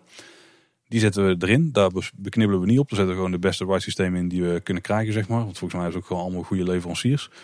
Uh, dan zetten we die in een omgeving waar we dan in principe ook nooit meer aan hoeven te komen. Die maken ook helemaal tip-top af, zeg maar. Dus de bouw van boven tot onderaf. Um, en, en dan, ja, dan zijn er nog wat dingen die kunnen misschien wel wat makkelijker vervangen. Uh, media op die op scherm wordt geprojecteerd, uh, animatronics, dat soort dingen. En daar, daar zijn dan een beetje de zwakke punten wel. Dus ja, ja. qua uitstraling zien ze er heel goed uit. Ik zie het wel voor me, zeg maar, dat ze het later nog besluiten van... Nou, die animatronics gaan we toch op een paar plekken vervangen. Weet je, of, die, of die, er zit er toch nog iets anders neer. Want er zijn in de meeste gevallen gaan die, zijn die niet veel geavanceerder dan wat je in Carnival Festival ziet. Okay. Misschien ook omdat die uh, ergens achteraan in het ontwerpproces zaten. En dat op dat moment dat het geld ver op was. Ja, en dat dat dus dingen zijn die je nu goedkoper neer kan zetten. Ja. Want qua vormgeving zijn ze echt heel mooi hoor. Dus er zijn daar wat... Um, nou, misschien moet het eigenlijk de attracties maar doorlopen. Dan kan ik daar een beetje ja. beter beschrijven. In principe, de opzet van het park is heel simpel. Je komt dus binnen, dan kom je op een soort centrale dorpsplein. Daar liggen een hoop restaurants, winkeltjes en een soort... en er zit een table service restaurant aan het einde. Daar heb je een volledig, volledige neplucht. Die ziet er best wel overtuigend uit ja. op, op foto's sowieso. Behalve dat hij heel erg roze is vaak. En is een praktijk natuurlijk niet echt. En dan heb je eigenlijk linksom kun je lopen of rechtsom kun je lopen. En dan ligt er een grote bocht om het geheel heen. Met attracties aan beide kanten. vooral aan de buitenkant wel. Af en toe aan de binnenkant. En dan heb je eigenlijk ja, op weer een derde en twee derde van die lus heb je weer twee paden die een beetje soort kleinere afsnijroutes vormen weer terug naar de hoofdplein in het midden. Dus je kunt best wel makkelijk overal snel komen. En qua grootte is het niet per se enorm groot. Het is wel groot voor een overdekt pretpark. Maar als je het vergelijkt met de Efteling of zo, dan is het allemaal een klein hoekje van. Maar het is wel heel erg op elkaar uh, gebouwd, zeg maar. Met ook nog steeds wel uh, plek om uit te breiden. Dus als je zeker foto's ziet van boven, dan zie je wel van... Oké, hier overspannen ze nog even een stukje. En aan de ene kant hebben ze echt nog een heel groot stuk. Daar kunnen ze nog wel een keer een flinke coaster neerzetten. Volgens mij waren die plannen er ook. En dan beginnen we rechtsom, denk ik. Dat is ook de manier hoe wij zijn gelopen. Dan kom je dus in het uh, Flintstones gebied. Er zit een lokvloem, dus zo'n boomstamattractie. Mm Een beetje kindervariant, maar dus wel aardig aangekleed met aardige show-elementen. Met goede verlichting, mooie omgevingen, maar dus wel hele simpele animatronics. Echt carnaval festival niveau. Wel mooi vormgegeven, dus wel echt die cartoonstijl zeg maar. Uiteindelijk uh, ga je daar één keer omhoog met een liftje, met een uh, videoprojectie effectje. En dan ga je naar beneden, dat is een meter of vier of vijf denk ik max of zo. Die zo'n spectaculaire lift. en, en erop. Uh, dan ga je iets verder, dan kom je in het, het uh, stukje van een beetje de woestijn waar Wily Coyote en uh, Roadrunner rondhangen. Ja. Er zit een hangende achtbaan, die is wel aardig. En er zijn ook twee kinder, of drie kinderattracties, dus zo'n ronddraaiende soort Dumbo-molen, zeg maar. En botsautootjes volgens mij, die zijn dan weer gethematiseerd naar The Martians en The Jetsons, of The Martian en The Jetsons. ja, die zijn wel aardig, maar dat waren ook een van de weinige molens. Verder is er nog één carousel en verder heb je eigenlijk geen molens mooi vormgegeven stukje. Het plafond hier is overigens gewoon uh, plafondplaten, maar dan met af en toe wolken erop. Van die grote witte lichtgevende wolken. Oké. Okay. Dus is wel geinig, maar die andere lucht is wel mooier. Dan kom je nog iets verder, dan kom je bij het stuk, dat heet Cartoon Junction. Daar wonen een beetje alle cartoonfiguren. Dus daar staat bijvoorbeeld een, een, een uh, oud huis waar dan uh, de Scooby-Doo ride in zit. Dat is eigenlijk een soort symbolica. Best wel, best wel tof, best wel goed gebruik gemaakt van het systeem. Dus met die losrijdende karretjes. Je wordt echt af en toe stukjes ingestuurd, krijg je je individuele showtje werkte niet altijd even goed. En de afwerking daar van de omgeving was ook altijd gewoon soms donker. Wat me ook opviel bij Scooby-Doo is dat uh, die voertuigen die zijn dan volgens mij gewoon standaard. Die zijn niet zo mooi als Symbolica zo bijvoorbeeld. Weer zo'n puntje waar dan op beknippeld is, maar wat later ooit zal best wel geld kosten omgekat kan worden. En met Tronic zal ze daar dan ook wel staan, maar die was ook weer heel simpel. Dat was eigenlijk gewoon overal. Uh, maar wel leuke attractie. Zei ook mijn kinderen wel een beetje spannend. Uh, ja. Aardig wachtrijtje ook wel, met, dat je door een museumpje heen loopt wat ze best goed hadden gedaan is dat je net als een Scooby-Doo aflevering echt zo'n conclusie had. Maar dat ze degene ontmaskeren die, uh, die alles opsteld heeft gezet, zeg maar, om, uh, om okay. een bepaalde reden. Dat was wel, was wel aardig. Ja. In datzelfde pleintje heb je nog de ingang naar een Tom en Jerry spinning coaster. Dat klinkt leuk. Tom en Jerry uh, cheese spin, hupplepup, weet ik veel wat. Met de oudste dochter in geweest. Die is 1 meter 10, iets ook groter. Die vond het echt heel tof. Die had kaart zitten gillen, maar die vond het super leuk. Uh, leuk aangekleed. Je komt dan het huis van Tom en Jerry in. En je ziet eerst uh, dan het huis wat op stelt is gezet door Tom. En op een gegeven moment loop je een beetje ja, een gang in. Ga je een hoek om. Loop je in één keer tussen de muren. En dan word je zo klein als een muis. Bij wijze van spreken. Mm -hmm. Of ga je de achtbaan in en dan ga je verder. Uh, was tof. Dan zat er in het midden zat een grote carousel. Eh, zoals ieder pretpark wel een moet hebben. Nog een showtje met Bugs Bunny en Daffy Duck. Gewoon echt, eh, ja, gewoon, daar, ga je, daar ging je meerdere ruimtes in. Uiteindelijk eindig je in een Mhm. theatertje. En dan eh, had je daar een showtje. En dan was er ook nog een, een, een ook weer een schietattractie. Ook met eh symbolica-achtige voertuigen. Eh, waar je dus weer een ding in hand gedaan kreeg en moest schieten. Volgens mij was dat de Acme fabriek. eh, fabriek. De Acme Fabriek. fabriek. Eh, waar je pakketjes moest scannen, was dan het excuus. Dat was ook eh, best wel tof. Best wel aardig aangekleed. Aardige wachtrij ook met leuke geintjes erin en zo. Die allemaal verwezen naar al die tekenfilms. Dat was ook gewoon een showtje van Tasmanian Devil af en toe. Gewoon in de straat, zeg maar. Want het was, het was allemaal een beetje straatachtig, dat Ja. Eh, dan had je nog een, een speelgebiedje, speeltuintje opgevoerd. Ook in de fabriek. De- Ik zeg het trouwens verkeerd. De fabriek was het speelgedeelte. Ja. Dus dat, dat was dan gekoppeld aan eh, het Acme onderzoekscentrum. En dat was dan waar je kon schieten met Oh, die eh, dingen. Dus dat was thematis- gethematiseerd. Of het was qua thema aan elkaar geknoopt. En dan ging door en dan kwam je een beetje in het meer serieuze stuk. Mhm. Dan kwam je in Gotham uit. Dat vond ik zelf persoonlijk het best uitgevoerde stuk. Ook omdat daar dus weer een beetje het grungy, oud, eh, industrieel uitstraling eh, had, zeg maar. Daar hadden ze een- zo'n disco coaster ding neergezet. Ja. Dus, eh, zo'n ja, schijf. op zo'n schijf gaat. In dit geval zat je naar buiten.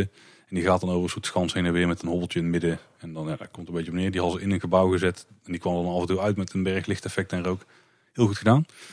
Ehm dat zat toch een funhouse. Volgens mij een soort vliegdingattractie zoals je die in Duiner al hebt. Maar die was in onderhoud. Ook een showtje van Batman gewoon daar op een pleintje. Die kwam dan naar beneden suizen en die ging die Joker in elkaar stampen. Dat soort dingen. En een heel tof gethematiseerde ijskraam. Met, van Mr. Freeze. Dat was natuurlijk allemaal wel goed gekoppeld. En daar zat een attractie. En die was eh, van hetzelfde type als Harry Potter en The Forbidden Journey. Oké dan. En dat wist ik. En ik denk, daar lijkt me vet. Daar ga Ja. ik heen. Kan me voorstellen. Nou, blijkt dus wel dat een tof vooruitsysteem hebben niet per se resulteert in een hele toffe attractie. Want begrijp me niet verkeerd, de attractie was wel oké, maar het was geen topper. Mhm. Ik denk niet eens dat ik het tofste van het park vond. Oké. Bij Harry Potter dan zit je op een bankje en wordt betoverd. En hier is het excuus van eh, je gaat Batman, eh, die heeft een voertuig ontwikkeld eh, die, ja, waarmee je een beetje rond kunt vliegen met je soort gliders. En dan word je aangekoppeld en dan eh, ga je met Batman mee op pad, zeg maar. En een boeven verslaan. Of ja, daar hoopt hij dan niet, maar dat gebeurt dan natuurlijk, want alles gaat fout in. Goed, Ja. het park, eh, attractie, verhaallijn, eh, gedoe. Eh, wat wel heel erg handig was eigenlijk, is dat je verschillende instap, ja, kleine halletjes hebt, zeg maar. Dus je wordt in een, kleine ruimte ingeleid met vier man, dan staat daar gewoon een voertuig klaar. Die komen niet langs, ga je gewoon inzitten. En die rijdt dan de baan op en die, die haakt gewoon in op het punt. Ja, die maakt dan de show daarna van jou, zeg maar. Mhm. Maar wat hier dus gebeurde heel vaak, is dat je gewoon omhoog werd gericht. Dus dat je gewoon op je rug lag naar het plafond te kijken. En dan zag je daar dingen langskomen. En dat was dan vooral om te verbloemen dat daar eh, allemaal schermen links en rechts naast je zaten. Ja, ja. Waar je dan af en toe later ingeduwd werd, zeg maar. Dus je, de, de, Ja. ruitsysteem, om het even uit te leggen voor iedereen die het niet weet. Je hebt gewoon een baan op de grond, er rijdt een karretje op. Aan dat karretje een robotarm. En aan die robotarm zit er weer een bankje van vier personen. En daar zit je in, als een van de vier personen. Met de schouderbeugels. En je wordt alle kanten op geslingerd. En eh, bij Harry Potter heb je dan van die eh, schermen. Van die bolle schermen waar je ingeduwd wordt. Maar die staan op, weer op een grote draaischijf. Dus jij wordt dan die bol ingeduwd. Je karretje blijft rijden. En eh, ja, dan heb je daar een simulatiestukje. Dan word je weer uit die bol getrokken en dan ga je weer verder. En daar is het best overtuigend. Maar hier had je gewoon een stukje en dan zag je het scherm al echt gewoon lang aankomen. Ook omdat er op dat moment nog geen media op stond. Het was gewoon een wit scherm. Ja. En dan in één keer zie je de media aanschieten en dan word je erheen geduwd. En dan eh, zit jij in het scherm en dan word je eruit getrokken. En dat was op een enkele, enkele kanaal werkte het goed. Maar het grootste deel van de tijd was dat een beetje Gevalletje net niet, zeg maar. ja, net niet. En dan de graphics waren ook niet eh, gefilmde video. Dat was bijna een beetje vergelijkbaar met eh, zo'n computerspel met, met Arkham Asylum. Een beetje dat niveau ook van graphics. Dus gewoon echt van die 3D gerenderde dingen. Niet super realistisch, maar ook een beetje jammer. Ja, en het allerjammerste was, dan, dan was er een aardige animatronic, of twee. Eh, eentje van de Joker, die hangt ondersteboven als hij gevangen is door Batman. En die hangt een beetje te wiebelen. Dus gewoon een heel simpel animatronic die wel effectief iets overbrengt. En dan zit Batman erachter. En dan, volgens mij beweegt zijn lip nog net of zo. en zijn cape, die beweegt ook. Maar Ja. als je dan een halve seconde beter kijkt, dan zie je dat die cape gewoon op het scherm geprojecteerd wordt dat erachter staat. dat was Ja. ook een beetje jammer. Het is wel, wel een leuke attractie, maar niet, niet een toppertje. Zeg maar in de categorie gewoon goed, maar niet top. En dan loop je nog verder door en dan kom je in Metropolis. Dus dat is de stad waar eh, Superman zich bevindt Ja. en al die superhelden uit de, eh, uit het DC-universe. Dus niet Marvel die Disney dan heeft, maar de andere categorie superhelden. Dus daar zitten er minder bekende in. Voor ons in ieder geval inmiddels. Zoals eh, de Green Lantern, die ook wel films heeft gehad. En, eh, en Superman dus. En eh The Flash en dat soort figuren. Mhm. Hier had ik wel veel van verwacht, maar dit voelt iets te klinisch, weet je wel. Ik kreeg er niet echt het, eh, het gevoel bij wat ik graag in een pretpark heb. Zoals een beetje tegenovergestelde. Het voelde allemaal iets te, te dat ze een comic-omgeving tot leven hebben willen brengen. Ja. Want als je een echt in een stripboek rondloopt, zeg maar. Ja, ja, nog net niet met de zwarte lijnen overal omheen, maar wel met eh, gewoon als je stripboek hebt en daar zit een, een stenen oppervlakte in, dan is daar gewoon een grijs ingekleurd vlak. Ja. En dat was hier ook gewoon. Ja, ja. Zonder textuur of, eh nou, er zat er misschien een heel klein beetje aan, maar het voelde allemaal een beetje, zag er allemaal, nou, het kwam een beetje toch kunststof en te gemaakt over, weet je wel. Maar wel, ik denk dat de tofste attracties wel in deze hoek zaten. Eh dat was namelijk een, weer zo'n Spider-Man-achtige attractie, maar dan met de, ik weet het niet, volgens mij met heel de Justice League. Ja. Volgens mij wel, ja. En die, die was best goed eigenlijk. Het was misschien wel de beste van het park. Dus daar, word je, daar zit je dus weer op zo'n motion base. Dan word je af en toe een scherm eh, voorgeduid met een 3D-bril op. En dat, dat was goed gesynchroniseerd. Dat was best spectaculair. Er gebeurden veel dingen en zo. Nou, was gewoon wel, eh, was wel goed. Je had ook een eh, Flying Theater. Dat was met de Green Lantern thema. Dat begon dan heel erg sereen. Zoals ook die, die andere Flying Theaters bijna allemaal beginnen. Maar uiteindelijk werd je naar een andere planeet getrokken door een of andere portal. En dan zat er een of ander groot drakenbeest en zo. Wat de dochter lief best wel eng vond. Ja. Kan me er iets van voorstellen, ja? Wel met goede effecten, die was ook best goed. En er zit een eh, Superman attractie, dat je volgens mij in zo'n 360 graden videoscherm zit. Maar daar ben ik uiteindelijk niet in geweest. Eh dat is eigenlijk de enige die we niet hebben gedaan de hele dag. Dus ehm, ja, best wel spectaculaire grote attracties daar, zeg maar. En dan loop je eigenlijk weer het hoofdhaltje in en dan ben je rond. Oké. Nou ja, als ik zo een, een eerste indruk heb, dan denk ik eh, heel veel interessante IP's. Ja. En heel Ja. veel interessante eh, moderne eh, attractietypes. Volgens mij best een redelijk breed aanbod. En, redelijk gethematiseerd. Nou, de thematisering is goed, alleen het taalplaatje is nog net niet, zeg maar. Maar wel eh, goede ride systems, maar nergens echt hele uitgebreide, lange, grote, geen enkele record breaker, zeg maar. Een, Ja, vooral en vooral indoor ride systems. ja, natuurlijk. ja, ja. Ja, het is allemaal indoor, maar Nou, ik, ik denk dat als je aan eh, een attractiepark eh, fangroepje vraagt van... Maak eens even een droompark, zet daar een berg attractietypes in, maar je mag geen achtbanen kiezen. Dan denk ik dat alles wat daar staat, Ja. daar zouden op de lijstje staan, behalve een droptoren. Die hebben ze dan niet. Eh, maar voor, de rest hebben ze alle populaire attractietypes hebben ze. Ja, misschien dan van 8 uur niet, maar die hebben ze dan weer in een Dubai eentje. Maar daar zijn we niet geweest.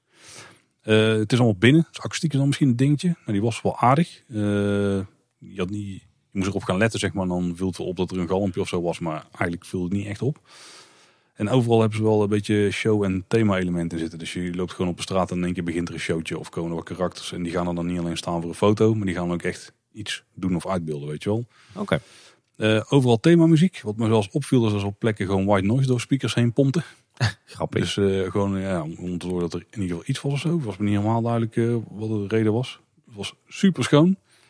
Super netjes onderhouden. Want ja, het is nog kei nieuw. Dat park is iets meer dan een jaar open volgens mij. Was het in, was het in november het jaar ervoor open gegaan of zo. Eh, dus de glans die zit er nog letterlijk bijna overal op. Nou, goede verlichting. Dat is echt, echt wel top. Ik denk dat ik daar niet heel vaak veel beter heb gezien dan daar. In, in eh, parken binnen. En ook heel veel toffe details. Dus je had bijvoorbeeld zo'n Wiley Coyote eh, die dan buikspieroefeningen zit te doen. Gewoon ergens in een achtergrond op een berg. Gewoon super simpel animatronic met zo'n zo'n soort, soort elastiek om zijn rug, zeg maar. Nou, super simpel, maar wel tof. En dan later, als je dan uit het dagbaantje komt, dan zit hij weer in zo'n silhouet in de muur met eh, exit, eh, zo'n exitbord in zijn handen, die dan is blijven hangen voor eh, de wand. Dat is wel tof.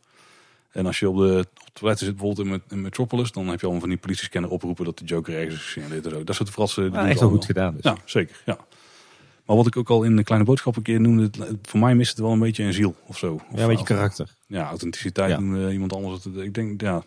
En wat dat betreft vond ik het Gotham gedeelte dus het tofste. Of, of het fijnste overkomen, zeg maar. Het fijnste, dat pretparkgevoel wat ik zo graag eh, vind hebben. En de rest was een beetje te klinisch en iets te, ja, te, te goed, te strak, zeg maar. Maar ik heb me daar heel goed van gemaakt. Als je daar naar een park gaat, dan is dit echt veruit de beste. Eh, ook vriendelijk personeel trouwens.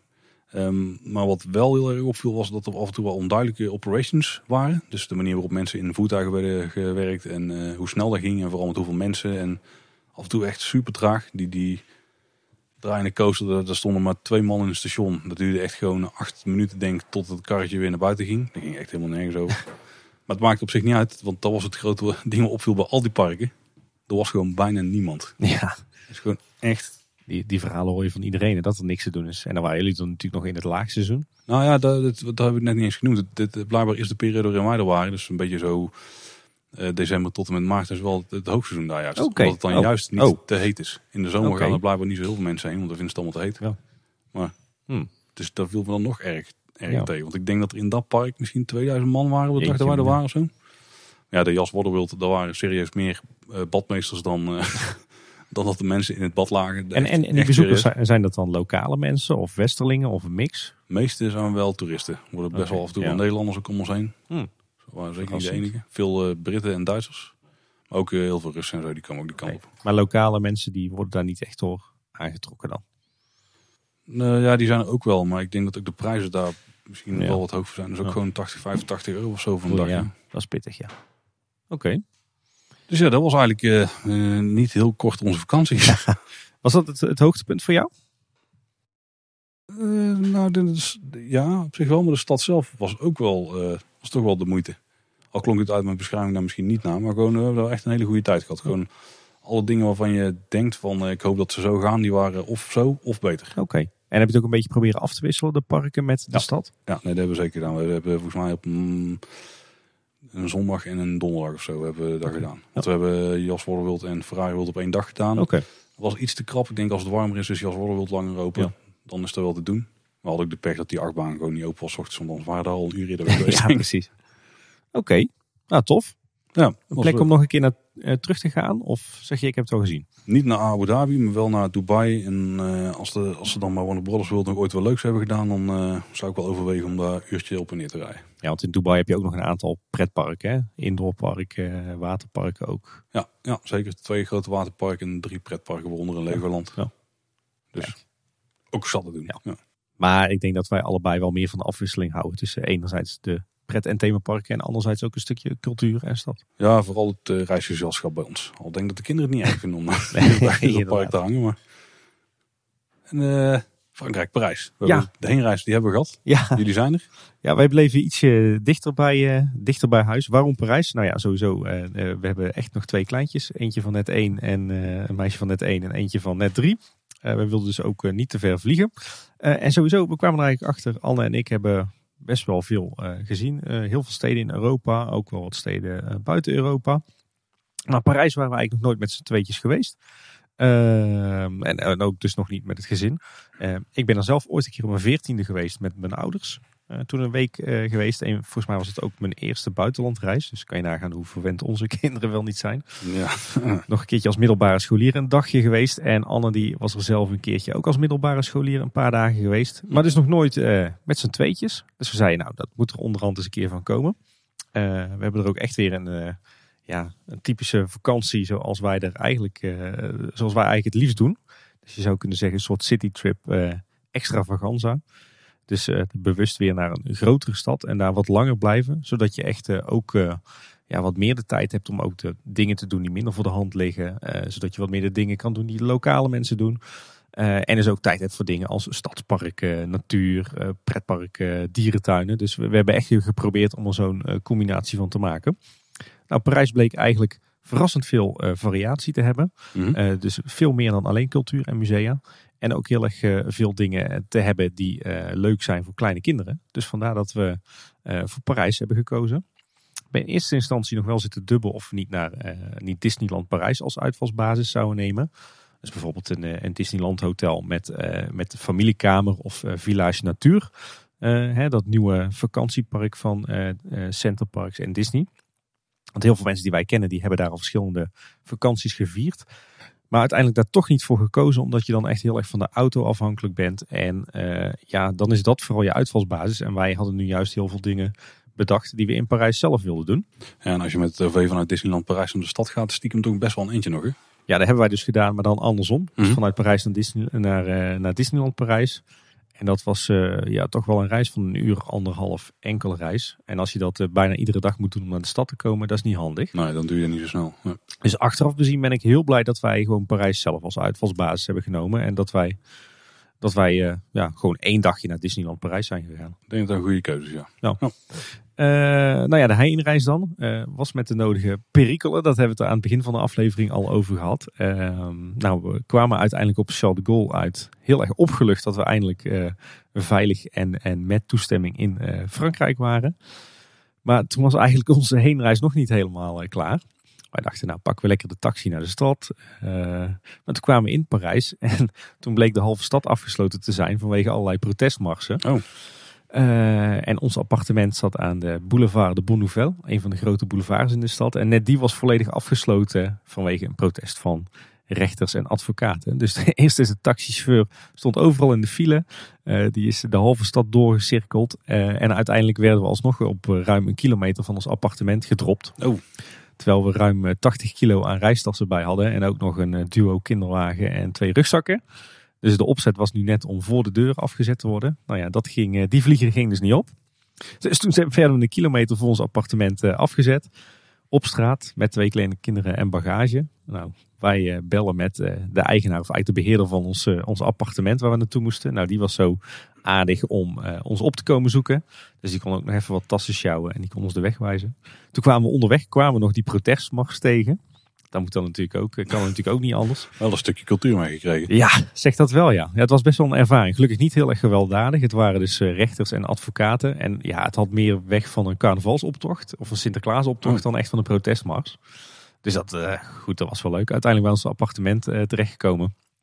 Nog even een opgave om uh, zes verdiepingen omhoog te lopen met 80 kilo bepakking zonder lift. Maar goed, toen we rond een uurtje of vier smiddags dan eindelijk goed en wel in ons appartement zaten, toen, toen voelde het ook echt goed. En toen konden we echt opgelucht ademhalen. En toen hebben we er ook heel hard en heel smakelijk om gelachen. Nou, we zaten echt hartje Parijs in het tweede arrondissement. Parijs is eigenlijk een, is een grote stad, eigenlijk een beetje als een cirkel opgebouwd. Met de, de periferiek, de rondweg als een soort van ja, barrière. Mhm. Alles wat daar binnen ligt is de stad Parijs. En dan begint het in het midden met het eerste arrondissement. En daarna is het eigenlijk een soort slakkenhuis. en je komt in een steeds hoger nummer naarmate je verder weg van het centrum zit. Nou ja, wij zaten in het tweede arrondissement. Dus je zou kunnen zeggen behoorlijk centraal. Ja. En dat was eigenlijk de perfecte uitvalsbasis, want de plekken waar wij naartoe wilden, die lagen verspreid over de stad. Dus als je dan centraal zit met je appartement, dan kun je eigenlijk alles makkelijk bereizen. Uh, nou, we zaten dus aan zo'n grote boulevard. Echt zo'n boulevard zoals je je kan voorstellen in Parijs. Brede weg, uh, brede trottoirs langs met allemaal mooie boompjes en lantaarnpaaltjes. daar langs restaurants, hotels, supermarktje, farmacie, theaters, uh, koffiezaakjes. Nou, echt super handig. Dus we zaten echt, echt midden in Parijs. En uh, het, wij zaten ook echt in zo'n uh, ja, zo'n typisch Parijs appartement. Wat je je misschien wel voorstelt als je dat, ja, als je denkt aan een appartement in Parijs. Zo'n mooi zandsteenkleurig gebouw. vrij hoog, met van die hele smalle hoge raampjes. Met van die luiken er langs en zo'n Frans balkonnetje met wat bloemetjes eraan. Zo'n mooie zinken dak, zeg maar. En uh, wij hadden de bovenste verdieping, de zesde verdieping dus en de zolderverdieping. Uh, dus we hadden, we eigenlijk een paar voordelen. We hadden sowieso schitterend uitzicht over de boulevard en de rest van Parijs. Uh, en het was daar ook heel stil. Dus je had eigenlijk geen last van lawaai van straat. Want ja, het was eigenlijk een hele brede, drukke boulevard waar ook heel veel uit werd gegaan. S'avonds en s'nachts hadden wij totaal geen last van. Nadeel was dus wel dat we alles te voet moesten doen. Dus we moesten te voet naar boven iedere dag. Een paar keer op en neer met een beetje pech. Maar ook weer echt zo'n karakteristiek trappenhuis, weet je wel. Van die hele brede houten, uh, eikenhouten tredes. Uh, de, de bodessen, maar van mooi ingelegd hout, uh, parket. van die gietijzeren balustrades met zo'n houten leuning, weet je wel. sierlijsten aan het plafond. Dus het was echt zo'n... Ja, ja, zoals je, ja, ja. Je, je, we hadden echt zo'n ja, zo'n Parijs appartementengebouw van zo eind 19, begin 20e eeuw. En dat was nog heel erg origineel. We, hadden dat gehuurd via Airbnb. Dat was de eerste keer eigenlijk dat wij bij Airbnb iets geboekt hadden. Uh, we hebben het inmiddels nog twee keer meer geboekt. Eén keertje bij Paradise en één keertje in Stockholm later dit jaar. Dus dat is toch wel een beetje spannend van hoe werkt dat nou? Nou, dat werkt eigenlijk perfect. Want die website en de app van Airbnb, dat werkt allemaal fantastisch. Uh, ja, en dan sta je ineens in een appartement. Ehm, de eigenaar daarvan, die, die had ook kindjes. En die woonde de helft van het jaar in, in Israël en de helft van het jaar in Parijs. Ja, en dan kom je ineens in een, uh, in een huis van iemand anders terecht. Hè? Nou, we hadden dan op de, op de zesde verdieping, dus waar we binnenkwamen, hadden we ja, een grote woonkeuken. Nou ja, zo'n keuken zit dan alles op en eraan. Hè? De afwasmachine, de, de, de magnetron, uh, uh, alle, nog een hoop eten en drinken. Nou, een grote woonkamer en, en een slaapkamer. En dan had je een stel trappetje omhoog. En dan zat de rest zat, zeg maar, onder het dak. Dus onder dat zinken dak. daar zaten nog drie slaapkamers en een badkamer. Ehm, maar dat was allemaal heel laag. Dus je, had daar, het was, je kon daar niet staan. Het was allemaal maximaal zeg maar, een meter of anderhalve meter hoog. En als het dan s'avonds regende, dan roffelde zo die regen op dat zinken dak. Dus het was, ja, voor je gevoel, je, zat echt helemaal in die Parijse vibe, die vibe van zo'n hoofdstad. En daar hadden we dan dat appartement met prachtig uitzicht over de stad. Dus ja, dat was wel heel karakteristiek en, en dat voelde ook echt wel goed. Sfeertje. Nou, vet. Uh, nou, een goede uitvalsbasis dus. We waren in totaal negen dagen op reis. Dus zeg maar zeven volle dagen in de stad. Uh, en wel even een disclaimer. We hebben bewust wel dingen gekozen waarvan we zeiden van die zijn en interessant voor ons als volwassenen. En interessant voor de kids. Voor de jonge kinderen. Dus daar hebben we wel echt het programma een beetje op afgestemd. En eigenlijk net zoals in andere vakanties hebben we ook geprobeerd om uh, zeg maar de toeristische attracties, de dierentuinen, pretparken te combineren met uh, wat meer cultuur en van de stad. En dat dan een beetje af te wisselen. Van tevoren was het, was het nog wel een uitdaging van joh, hoe gaan we dat doen met het OV? want we hebben dus nog twee kids en we hebben een duo kinderwagen. Nou, van tevoren zei iedereen van Parijs is niet te doen. Eh, met een kinderwagen. Zeker niet met zo'n brede. Dat viel eigenlijk 100% mee. Want je kan eigenlijk overal wel doorlopen. Je kan niet heel makkelijk in de metro. Maar het bleek dat naast een heel fijn metrosysteem, dat Parijs ook een heel fijn bussysteem heeft. Dus wij hebben eigenlijk de, de hele week alles met de bus gedaan. Super makkelijk. Je hebt er ook allerlei weekabonnementen en OV-kaarten. Uh, een hele fijne app van het, uh, het Franse uh, openbaar vervoerbedrijf, de, de RATAP. Maar we hebben toen alles met Google Maps gedaan. Dat staan alle routes ook gewoon in. Dat werkt ook echt goed. Oké, nou ja, het voordeel die die app van de Radtop is, is super fijn. Werkt ook met Google Maps samen. Maar daar zit dus precies de dienstregeling in, de haltes. Uh, en als je daar een bestemming invoert, dan laat hij je verschillende alternatieven zien. Laat hij op de kaart zien hoe de lijnen lopen, waar de haltes liggen, waar je moet overstappen. Super fijn, echt een perfecte app. Maar wij konden eigenlijk letterlijk gewoon uh, overal in met onze duo kinderwagen en al onze spullen. Dus we hebben echt geen seconde problemen gehad met het reizen. Nou, bussen en trams zijn echt prima daar, maar de metro is gewoon echt niet te doen, want die poortjes zijn gewoon veel te smal. Ja, en dat, eh, als je ook aanvinkt in je app van, joh, we willen een route die toegankelijk is voor rolstoelers, dus of voor kinderwagens, ja, dan, dan werd de metro ook uitgezonderd. Ja, want er zijn nergens liften of zo, dus dat schiet echt niet op. Ja. de, de, bus was ideaal, ja. want we hoefden nergens ver te lopen en we konden overal komen binnen, zeg maar, binnen het uur. Nou, wat hebben we zo gedaan in Parijs? Uh, normaal gezien beginnen we de eerste volle dag dat we er zijn met een pretpark of een dierentuin om een beetje bij te komen. Hebben we deze keer niet gedaan, want uh, de, de oudste die wilde maar wat graag naar de Eiffeltoren. Dus we zijn naar het Trocadero gegaan, uh, een groot plein, zeg maar aan de andere kant van de scène, waar je uitkijkt op de Eiffeltoren. Met die trappen daar? Ja, inderdaad, met die trappen. Volgens mij is het een of ander gerechtsgebouw of zo. Natuurlijk, natuurlijk even naar de Eiffeltoren gewandeld, de brug, met de brug over de scène heen. Wat fotootjes geschoten, je kent het wel. En verder gewoon een hele relaxte eerste dag uh, gehad. Dus lekker daar gewoon bij een stalletje van die crepes uh, Nutella gekocht als lunch. Uh, natuurlijk in de draaimolen, want Parijs is echt een, een draaimolenstad. Op iedere straathoek onderhand vind je daar een mooie authentieke draaimolen. Um, uiteindelijk niet meer de Eiffeltoren opgegaan. Want in plaats daarvan zijn we naar het aquarium van Parijs gegaan. ook wel bekend als het Cine Aqua. Zit in de kelders van Trocadero. Uh, is op zich eh, niet heel spannend. Uh, het, het, voelt een beetje als bioscoop. Dus het is vooral heel donker en heel veel vloerbedekking. En daar zitten dan de aquaria. Okay. Er zat overigens ook een bioscoop in. Maar ja, op zich leuk om te combineren met de Eiffeltoren als je met, met jonge kids bent. de dag erop zijn we naar het Parc Zoologique gegaan. Een van de twee grote dierentuinen in Parijs. en het grappige is, dit is op zich al een, op zich een vrij oude dierentuin. Maar die is vijf jaar geleden is die volledig gerenoveerd. Dus als je daar binnenkomt, dan voelt het echt alsof je in een gloednieuwe dierentuin bent. Echt super gaaf gedaan. Hele mooie tuin. Thematisch ingedeeld naar zeg maar, eh, een aantal werelddelen. Dus je hebt Patagonië, Afrika, Europa, eh, het tropisch regenwoud en Madagaskar. Dat zijn zeg maar de, de vijf themagebieden. En heel die tuin is ook echt naar die themagebieden uh, ingericht. Dus de landscaping, de gebouwen. Hm, kijk goed. Je hebt een enorme rotspartij als de Weenie van het park. Echt gigantisch hoog. Uh, je hebt een aantal mooie, uh, je hebt een, eh, een, hele mooie tropenhal. Met zeekoeien erin onder andere. Mooie savanne. Uh, kunt er goed eten. en het is allemaal super modern. Heel veel leuke dieren. Dus we hebben daar ons eigenlijk de hele dag prima weten te vermaken. Nou, de dag erop zijn we naar, natuurlijk toch ook even naar Disneyland Parijs geweest. Met de kids. En er was vanuit Hartje Parijs best wel goed te doen. we hebben de trein gepakt bij de opera op het treinstation.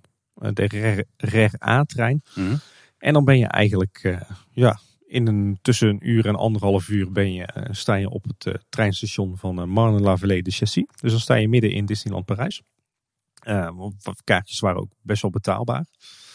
Nou goed, wij kwamen daar aan en het, we hadden het geluk dat het en een hele mooie, zonnige, droge dag was. En dat het best wel rustig was voor Disneyland Parijs begrippen.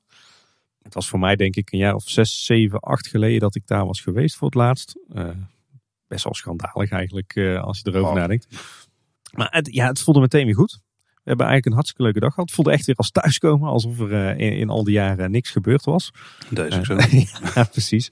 Nee, maar we hebben eigenlijk uh, van tevoren wel een beetje uh, bang gemaakt. In die zin door alle negatieve verhalen over Disneyland Parijs. Die een beetje in de scene rondgaan. Maar ja goed, ik kan niet zeggen niets is minder waar. Maar wij hadden er in ieder geval geen last van. Je merkt als je daar aankomt dat je in eerste instantie denkt van oh alles staat er prachtig bij en mooi kleurig en alles in de goede staat. Als je dan wat beter gaat kijken dan zie je dat er best wel veel verval is en het onderhoud echt niet overal even goed is. Maar het, ja, het, het, smolt wel. Uh, ja, we hebben eigenlijk een hele leuke dag gehad. Uh, we zijn met die kids, konden we natuurlijk eigenlijk vooral uh, in Fantasyland terecht. en daar hebben we ja, zo'n beetje alle attracties gedaan. De carousel natuurlijk. De, de theekopjes, Dombo, It's a Small World, Casey Jr., Le Petit Train du Cirque hebben gedaan. nou, al dat soort attracties. Ja, dat vonden de, was voor de meiden echt super. We zijn wel nog even verder wezen kijken natuurlijk toch nog in Disney. We hebben gegeten in Adventureland bij Hakuna Matata. Daar hebben we geluncht. Dat was eigenlijk goed te doen. niet lang hoeven wachten. Aardige prijs betaald en best een, een, een lekker menu. We hebben natuurlijk nog wat geshopt op Main Street USA. En daar s'avonds ook nog even gauw een tosti weggewerkt. Maar ik een ontzettend leuke dag gehad. De tijd vloog voorbij. En de medewerkers waren eigenlijk ook ontzettend vriendelijk. Overal vriendelijk geholpen. En dat viel me toch wel op, want van tevoren waren wij heel erg uh, gewaarschuwd voor. Hè, Fransen zijn chagrijnig, niet behulpzaam, praten geen Engels, et cetera, et cetera. En eigenlijk zowel in Disneyland als in heel Parijs merkten wij dat, er, eh, dat het echt de grootst mogelijke onzin was. Want wij zijn in al die tijd eigenlijk alleen maar vriendelijke mensen tegengekomen. Dan heb je denk ik gewoon veel geluk gehad. Ja, dat. Of wat ik ook wel merkte is, ik begon altijd uh, in het Frans. Dus even een paar zinnetjes, uh, zinnetjes Frans en dan uh, parlez-vous anglais? je ne parle pas français. dus een beetje toch laten zien dat je wel een, een poging doet. En dan eigenlijk alles Fransmannen zijn dan zo bescheiden dat ze zeggen van ja, ik praat eigenlijk geen Frans. En dan zeg ik ja, je parle français petit peu. Dus dan krijg je toch een soort van gedeeld, gedeeld probleem. En ik heb het idee dat als je, al is het maar begint in het Frans, dat je met veel meer ja, sympathie wordt omarmd dan dat je misschien meteen op een Fransman afstapt in het Engels en maar verwacht dat hij in het Engels meepraat. Dus misschien ligt het ook wel een beetje aan, aan de mensen zelf. Ja, want als we hier naartoe komen, dan begint het natuurlijk meteen in Nederlands hallo te zeggen. Nee, maar ja, goed. ik vind zelf, als je te gast bent in een land als toerist, dan ben jij degene die je moet aanpassen. En niet per se degene, niet je gastheer. Maar goed, dat is mijn visie. Vertel dan maar eens aan de Fransen.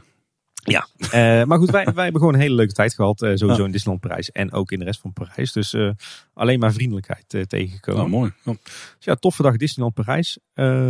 maar ik zeg er ook wel meteen bij, hoe tof we het er ook hebben gehad. Het is niet echt mijn park qua stijl en qua bondheid en qua commercie en Amerikaans. En ik snap ergens ook wel waarom Disneyland Parijs nooit helemaal omarmd is door de Fransen. Want als je een paar dagen rondloopt in Parijs, in de authentieke stad. Ehm, met haar cultuur, haar geschiedenis, haar kunst. En dan ga je naar Disneyland Parijs, dan is het ook wel een beetje plat en commercieel en cheesy. Ja. En in die zin ben ik ook heel blij dat wij dus niet de, uh, het Disney Resort als uitvalsbasis hadden. Maar dat we gewoon er één dag naartoe zijn gegaan en het daarbij ook konden laten. Ik denk dat het ook heel lastig was geweest om daar nu als uitgangspunt te hebben. Want uh, het tweede park daar is natuurlijk ook nu vooral één grote schutting. Er zijn denk ik drie grote attracties die nog open zijn of zo. Ja, en vervolgens ben je met uh, twee meiden van één en drie. En, nou, die kunnen uh, in drie, die drie attracties precies niet in. Nou, precies. dus, uh, dus dat werd hem niet. Maar we waren heel, heel blij dat we toch naar Disneyland Parijs zijn geweest. al was het maar voor een dag. En al was het maar vooral Fantasyland. Want het, ja, het voelde toch ook wel weer goed om terug te zijn, zeg maar. Ja. nou, we hadden dus een dag dierentuin en een dag pretpark achter de rug. Toen hebben we het op vrijdag even wat rustiger aangedaan. Zijn we lekker naar de Jardin de Tuileries geweest. Een heel mooi stadspark eh, bij het Louvre. Mhm. eh, midden in Parijs. Eh, was ook weer een schitterende dag met een mooi zonnetje. is dat ook een grote reuzenrad, toch? Zomers wel, ja. Nu niet. Oh, oké. Ja, oké. Maar dat is inderdaad dat park. De bus gepakt naar het Louvre. Daar begonnen natuurlijk even bij het Louvre rondgekeken. En daarna gewoon lekker het park in. Ja, echt zo'n typisch Frans park. Hè, met met zandpaden. Met van die mooie leibomen erlangs. Mooie vijverpartijen, fonteintjes. Dus daar hebben we lekker wat rondgedwaald. eh, wat, wat gegeten in het park. Ehm, en we hadden allerlei leuke plannen. Maar zoals ik al in eh, het begin van de aflevering zei. eh, was onze jongste dochter... had een hap gekregen van een paard. Eerder die vlak voor vertrek. En na een paar dagen was die vinger steeds dikker geworden. Dus was bij mij de opdracht die middag om na overleg met de Nederlandse huisarts op zoek te gaan naar een Franse huisarts. Hmm. En er was nog best wel een opgave, eh, zeker op vrijdagmiddag. Eh, maar uiteindelijk in twee, drie uur tijd is het me toch gelukt om eh, bij een Franse dokter binnen te komen zonder afspraak. Daar een consult te hebben van maar liefst drie kwartier in het alleen Frans.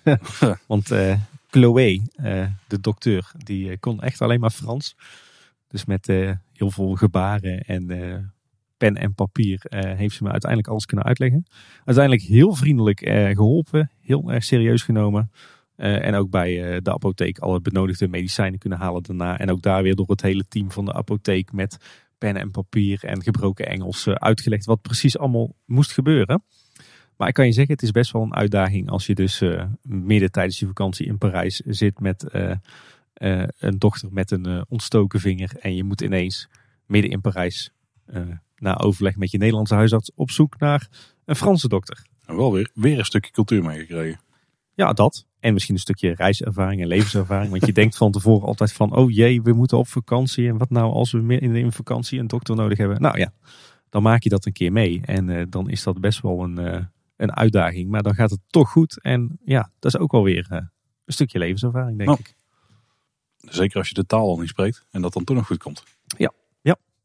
Eh, de dag erop zijn we weer naar een dierentuin geweest. Deze keer in de Jardin des Plantes. Eh, ook een heel mooi eh, stadspark weer. eh, met de gebruikelijke zandpaadjes en de boompjes en, en de fonteintjes. Is dat letterlijk tuin van de planten? Ja, volgens mij wel. Goeie En nou. in die Jardin des Plantes ligt de Menagerie. Dat is de dierentuin. En dat is een totaal ander verhaal dan het Park Zoologiek. Want waar dat dus net vijf jaar oud is, is de Jardin des Plantes de op, of althans de Menagerie, de op één na oudste dierentuin ter wereld. Stamt uit 1794. Dus die is inmiddels 226 jaar oud. En eh, dat is best een ervaring. Ja. Dat zie je ook wel. Het is een relatief kleine dierentuin. Eh, echt op de oude lees geschoeid. Dus met, eh, met echt nog een roofdierenhuis, een vivarium, een, een apenhuis. Allemaal niet al te groot bemeten. Het dierenwelzijn is er ook minder dan in de andere dierentuin waar we geweest waren. Maar ja, wel ontzettend veel monumenten en echt hele oude stukjes dierentuin. Ehm, heel veel plekken, net als de, de oude berenkuilen. Daar zit nu bijvoorbeeld een eh, rode panda in. En het oude olifantenverblijf wordt überhaupt niet meer gebruikt. Dus ze zijn daar wel bezig met dierenwelzijn natuurlijk. Maar eh, ja, hele mooie, indrukwekkende, stokoude gebouwen. Zeker ook eh, het apenhuis met de orang-oetangs. En het, het, het echte ouderwetse roofdierenhuis met van die gietijzeren tralies ervoor. Ja, dat, dat had wel wat. Het was geen mooie dierentuin of zo, maar het ademde wel echt de 226 jaar historie. Zo klinkt het wel, ja. Voelt het wel allemaal veilig en zo? eh? Ja, zeker wel. Ja, dat wordt ook wel goed onderhouden en zo. Alleen ja, je merkt het is echt een stokoude plek. En dat is ook wel een beetje magisch. Eh, de dag erop zijn we naar de Jardin d'Acclimatation geweest. Eh, het tweede pretpark eigenlijk van onze reis. Mhm. Nou, het was echt een stadspretpark. Ja, zoals je ze misschien wel een beetje kent uit Scandinavië. Ja, ja en nee. Mhm. Want het, de Jardin d'Acclimatation die ligt in het Bois de Boulogne. Dat is een groot bosgebied wat eigenlijk net buiten de periferiek ligt. Dus net buiten Parijs. En in dat bos heb je een aantal eh, toeristische attracties. Nou ja, toeristisch. Het zijn echt van die stadsattracties zeg maar, die al stokoud zijn. En eentje daarvan is de Jardin d'Acclimatation. En dat is inderdaad een stadspretpark uit 1860. Dus ja, stokoud en authentiek. Maar echt wel in een bosachtige omgeving. Dus het is niet zoals een, eh Liseberg of een Tivoli vooral, eh, dat het echt heel erg stads is. Maar het is echt een, een pretparkje in een bos. En dit is zo'n toffe plek. Wij hebben daar echt genoten. Echt eh, een, een schitterend park. Eh, heel groen natuurlijk. Heel authentiek, maar niet verouderd. Want het is, er, er, is heel erg veel opgeknapt en, en verbeterd en vernieuwd. Ehm, hele leuke attracties voor kleine kinderen. Er staan een paar leuke kiddie coasters die we natuurlijk hebben gedaan. Een heleboel molentjes. Zowel echt stokoude draaimolens en zweefmolens als ook een heleboel nieuwerwets spul van uh, Zamperla. Maar dan wel heel mooi gethematiseerd. Sowieso, uh, het groen is in een prachtige staat. Heel veel bloemen en planten, mooie bomen, mooie restaurantjes. Uh, ja, er hangt echt zo'n hele authentieke, prettige sfeer. En hoe ver is het dan vanaf jullie locatie waar jullie verbleven? Wij hebben een, een uurtje in de bus gezeten. Oh, Oké. Dus ja, het is net buiten de rondweg rond Parijs, zeg maar. Dus ja, als je, als je wat hebt met, met pretparken, met stadspretparken, maar, maar zeker als je ook wat hebt met parken zoals de Efteling of Liseberg, hè, dus die heel erg groen zijn en heel erg op een stukje historie zitten. Ja, als je dan de volgende keer in Parijs bent, doe dan alsjeblieft niet alleen Disneyland Parijs, maar ga zeker naar de Jardin d'Acclimatation. Want het is zo'n ongelooflijk schattig park. Dat is echt, eh, echt genieten. Alleen daar rondlopen is gewoon al leuk. Oké. En verder vind je er ook een hele uitgebreide kinderboerderij. Met een lokvloem erin trouwens. Een lokvloem in een kinderboerderij. Dat is toch lachen? Dat is wel oké, ja. Wat hele oude volières. Dus voor de dierentuinliefhebbers moet je er, eh, is er ook nog wat te vinden. Ja, gewoon leuke attracties. Je kan er goed eten. En uh, tof sfeertje. Maar één nadeel. Toen wij er waren, toen uh, stormde het nogal. Of althans, toen stormde het in Nederland. En in Parijs waaide het net iets harder dan gewoon. dus uiteindelijk ging het park om twee uur dicht. En wij waren blij dat we er deze keer voor hadden gekozen. Hele, maar het hele park ging gewoon ja, ja. Oh. ja, niet alleen het park, maar het hele bosgebied. Alle stadsparken in Parijs gingen dicht. Uh, op last van de politie. Oké. Dus wij waren heel blij dat we er ochtends om half elf al waren. Nou, onze laatste volle dag in Parijs uh, was het weer tijd voor wat een stukje cultuur en stad.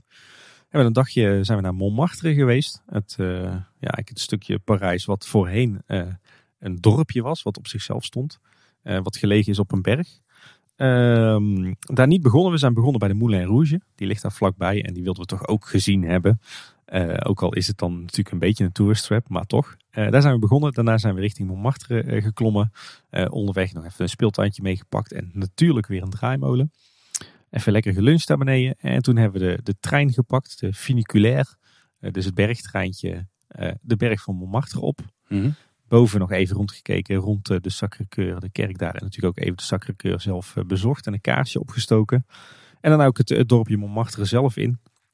Eigenlijk heel gek. Het is eigenlijk een, eh, een heel authentiek, charmant dorpje midden in Parijs. Dat is er gewoon omheen gegroeid. Ja, we zijn er niet geweest de laatste keer. Dus voor de volgende keer. Dus ja, heel gaaf. Okay. Ook even rondgelopen in dat dorpje. Wat uh, Place du Tertre, dat ken je misschien wel. Dat is waar al die, die kunstenaars aan het schetsen zijn en zo. Uh, en uiteindelijk nog lekker in een cafeetje beland en wat uh, fanshow uh, gedronken. dus ja, ook daar een hele toffe dag gehad en echt dat, dat authentieke Montmartre meegekregen. Nou, en toen zat eigenlijk de reis, of het bezoek aan Parijs er alweer op. Natuurlijk hebben we naast deze dingen nog meer gezien van de stad.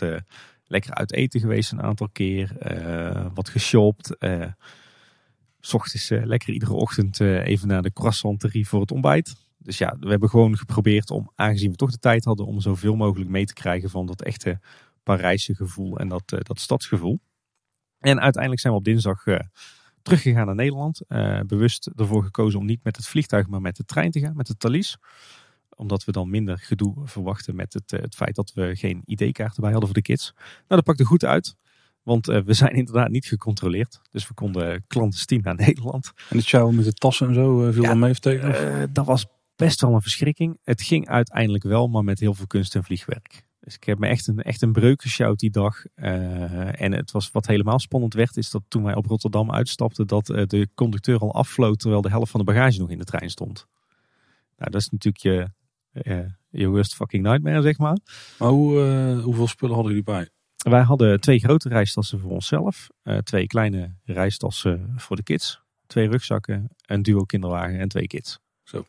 Dat is ook wel veel, ja. Ja, dus als je dat uh, met twee volwassenen allemaal moet meeschouwen, dat is dan toch makkelijker als je met het vliegtuig gaat. Dat was overigens soms ook de enige, het enige argument om met het vliegtuig naar Parijs te gaan. Hoor. Dus uh, dat was vooral het gedoe met die bagage. Maar ja, goed, op de terugweg kon het niet anders. En uh, ja, het is uiteindelijk gelukt, maar het was geen pretje.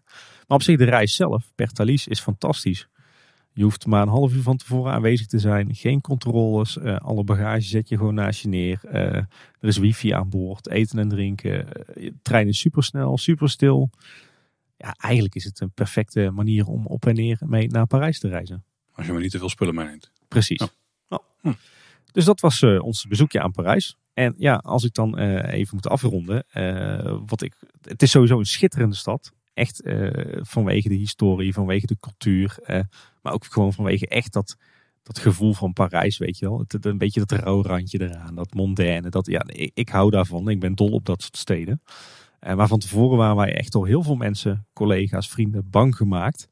Van, wat ga je in Parijs doen? Het is onveilig, het is, het is vies, het is vervallen. Het is totaal niet geschikt voor kinderen. Je, kon, je kan nergens heen met de kinderwagen. De Parijzenaars zijn onvriendelijk, ze spreken geen Engels. Nou, dat soort bagger kregen wij van iedereen over ons heen. Van iedereen behalve jou trouwens, Paul, dat moet ik wel toegeven. Maar dat is echt zo'n ongelofelijke onzin. Wij hebben zo'n leuke vakantie gehad. en Ons echt geen seconde verveeld. eh, ons overal welkom gevoeld. Eh Parijzenaars eh, doen echt hun best om eh, Engels te praten. Eh, zijn heel behulpzaam. Wij zijn overal met de bus naartoe kunnen reizen. Met de duo kinderwagen gewoon uitgeklapt. Eh, ja, het is gewoon een enorm mooie stad. En ja, het is best wel een ervaring. Ja, ik, eh, wij zijn er twee jaar geleden geweest. Kinderwaarding net zo oud als die van jullie. Ongeveer. Ja, zoiets ja. Ja. De jongens die zat nog in de, in, de, in de bak in de kinderwagen. En dat was ook heel goed bevallen. Ja. Ja, ja, dan zijn wij denk ik de enige twee die Parijs Ja. een geschikte stad vinden met kinderen of zo. Of de rest heeft het gewoon niet geprobeerd. Misschien, misschien leuk, hè, want eh, wij hebben nu er dus bewust voor gekozen voor een programma wat leuk was voor ons, eh, maar ook voor de kinderen. Eh, maar als je natuurlijk voor de eerste keer naar Parijs gaat en je hebt geen kinderen bij, dan moet je natuurlijk ook wel wat standaard bezienswaardigheden zien. Die, die wij nu eh, bewust hebben overgeslagen, omdat dat niet ging met kinderen. Of omdat we dat tijdens eerdere bezoeken al hebben gezien. Hè. Denk bijvoorbeeld aan de Notre-Dame, eh, de Champs-Élysées met de Arc de Triomphe. Eh, denk aan de opera. Denk aan het eh, Quartier Latin of aan Centre Pompidou. Dat zijn natuurlijk allemaal plekken die je eigenlijk wel gezien moet hebben als je voor het eerst naar Parijs gaat. Als je kinderen net een jaartje of twee ouder zijn, dan het de Pompidou dus wel goed te doen. Er zit ook een soort science museumpje onderin. Ja. Dus dat is allemaal weer, wel weer tof. Ja. En als je van leuke musea met kids, als je die zoekt, dan kan je ook in de Jardin des Plantes terecht voor bijvoorbeeld het Natuurhistorisch Museum. Ja, de- als je naar Parijs toe gaat, natuurlijk een reisgidsje ook altijd eh, eh, wel eh, een goede aanrader. Eh, zelf vind ik de Time to Momo reisgidsjes, vroeger de 100% reisgidsjes, nog steeds erg geschikt. Maar ik heb ook nog wel drie eervolle vermeldingen. Drie locaties waarvan ik zeg, dat zijn verborgen pareltjes in Parijs die je niet meteen terug zult vinden in de meeste reisgidsen. Drie pareltjes die we nu zelf niet hebben gedaan, omdat ze ook niet echt geschikt zijn voor kinderen, maar wel aanraders wat mij betreft. Eh, en dan denk ik bijvoorbeeld aan de catacombe van Parijs. Ja. Een onderaardse stelsel wat helemaal is opgebouwd met eh, beenderen van geruimde begraafplaatsen. Heel spooky, heel leuk voor de Halloween-liefhebbers denk ik. Het eh, Musée des Égouts de Paris.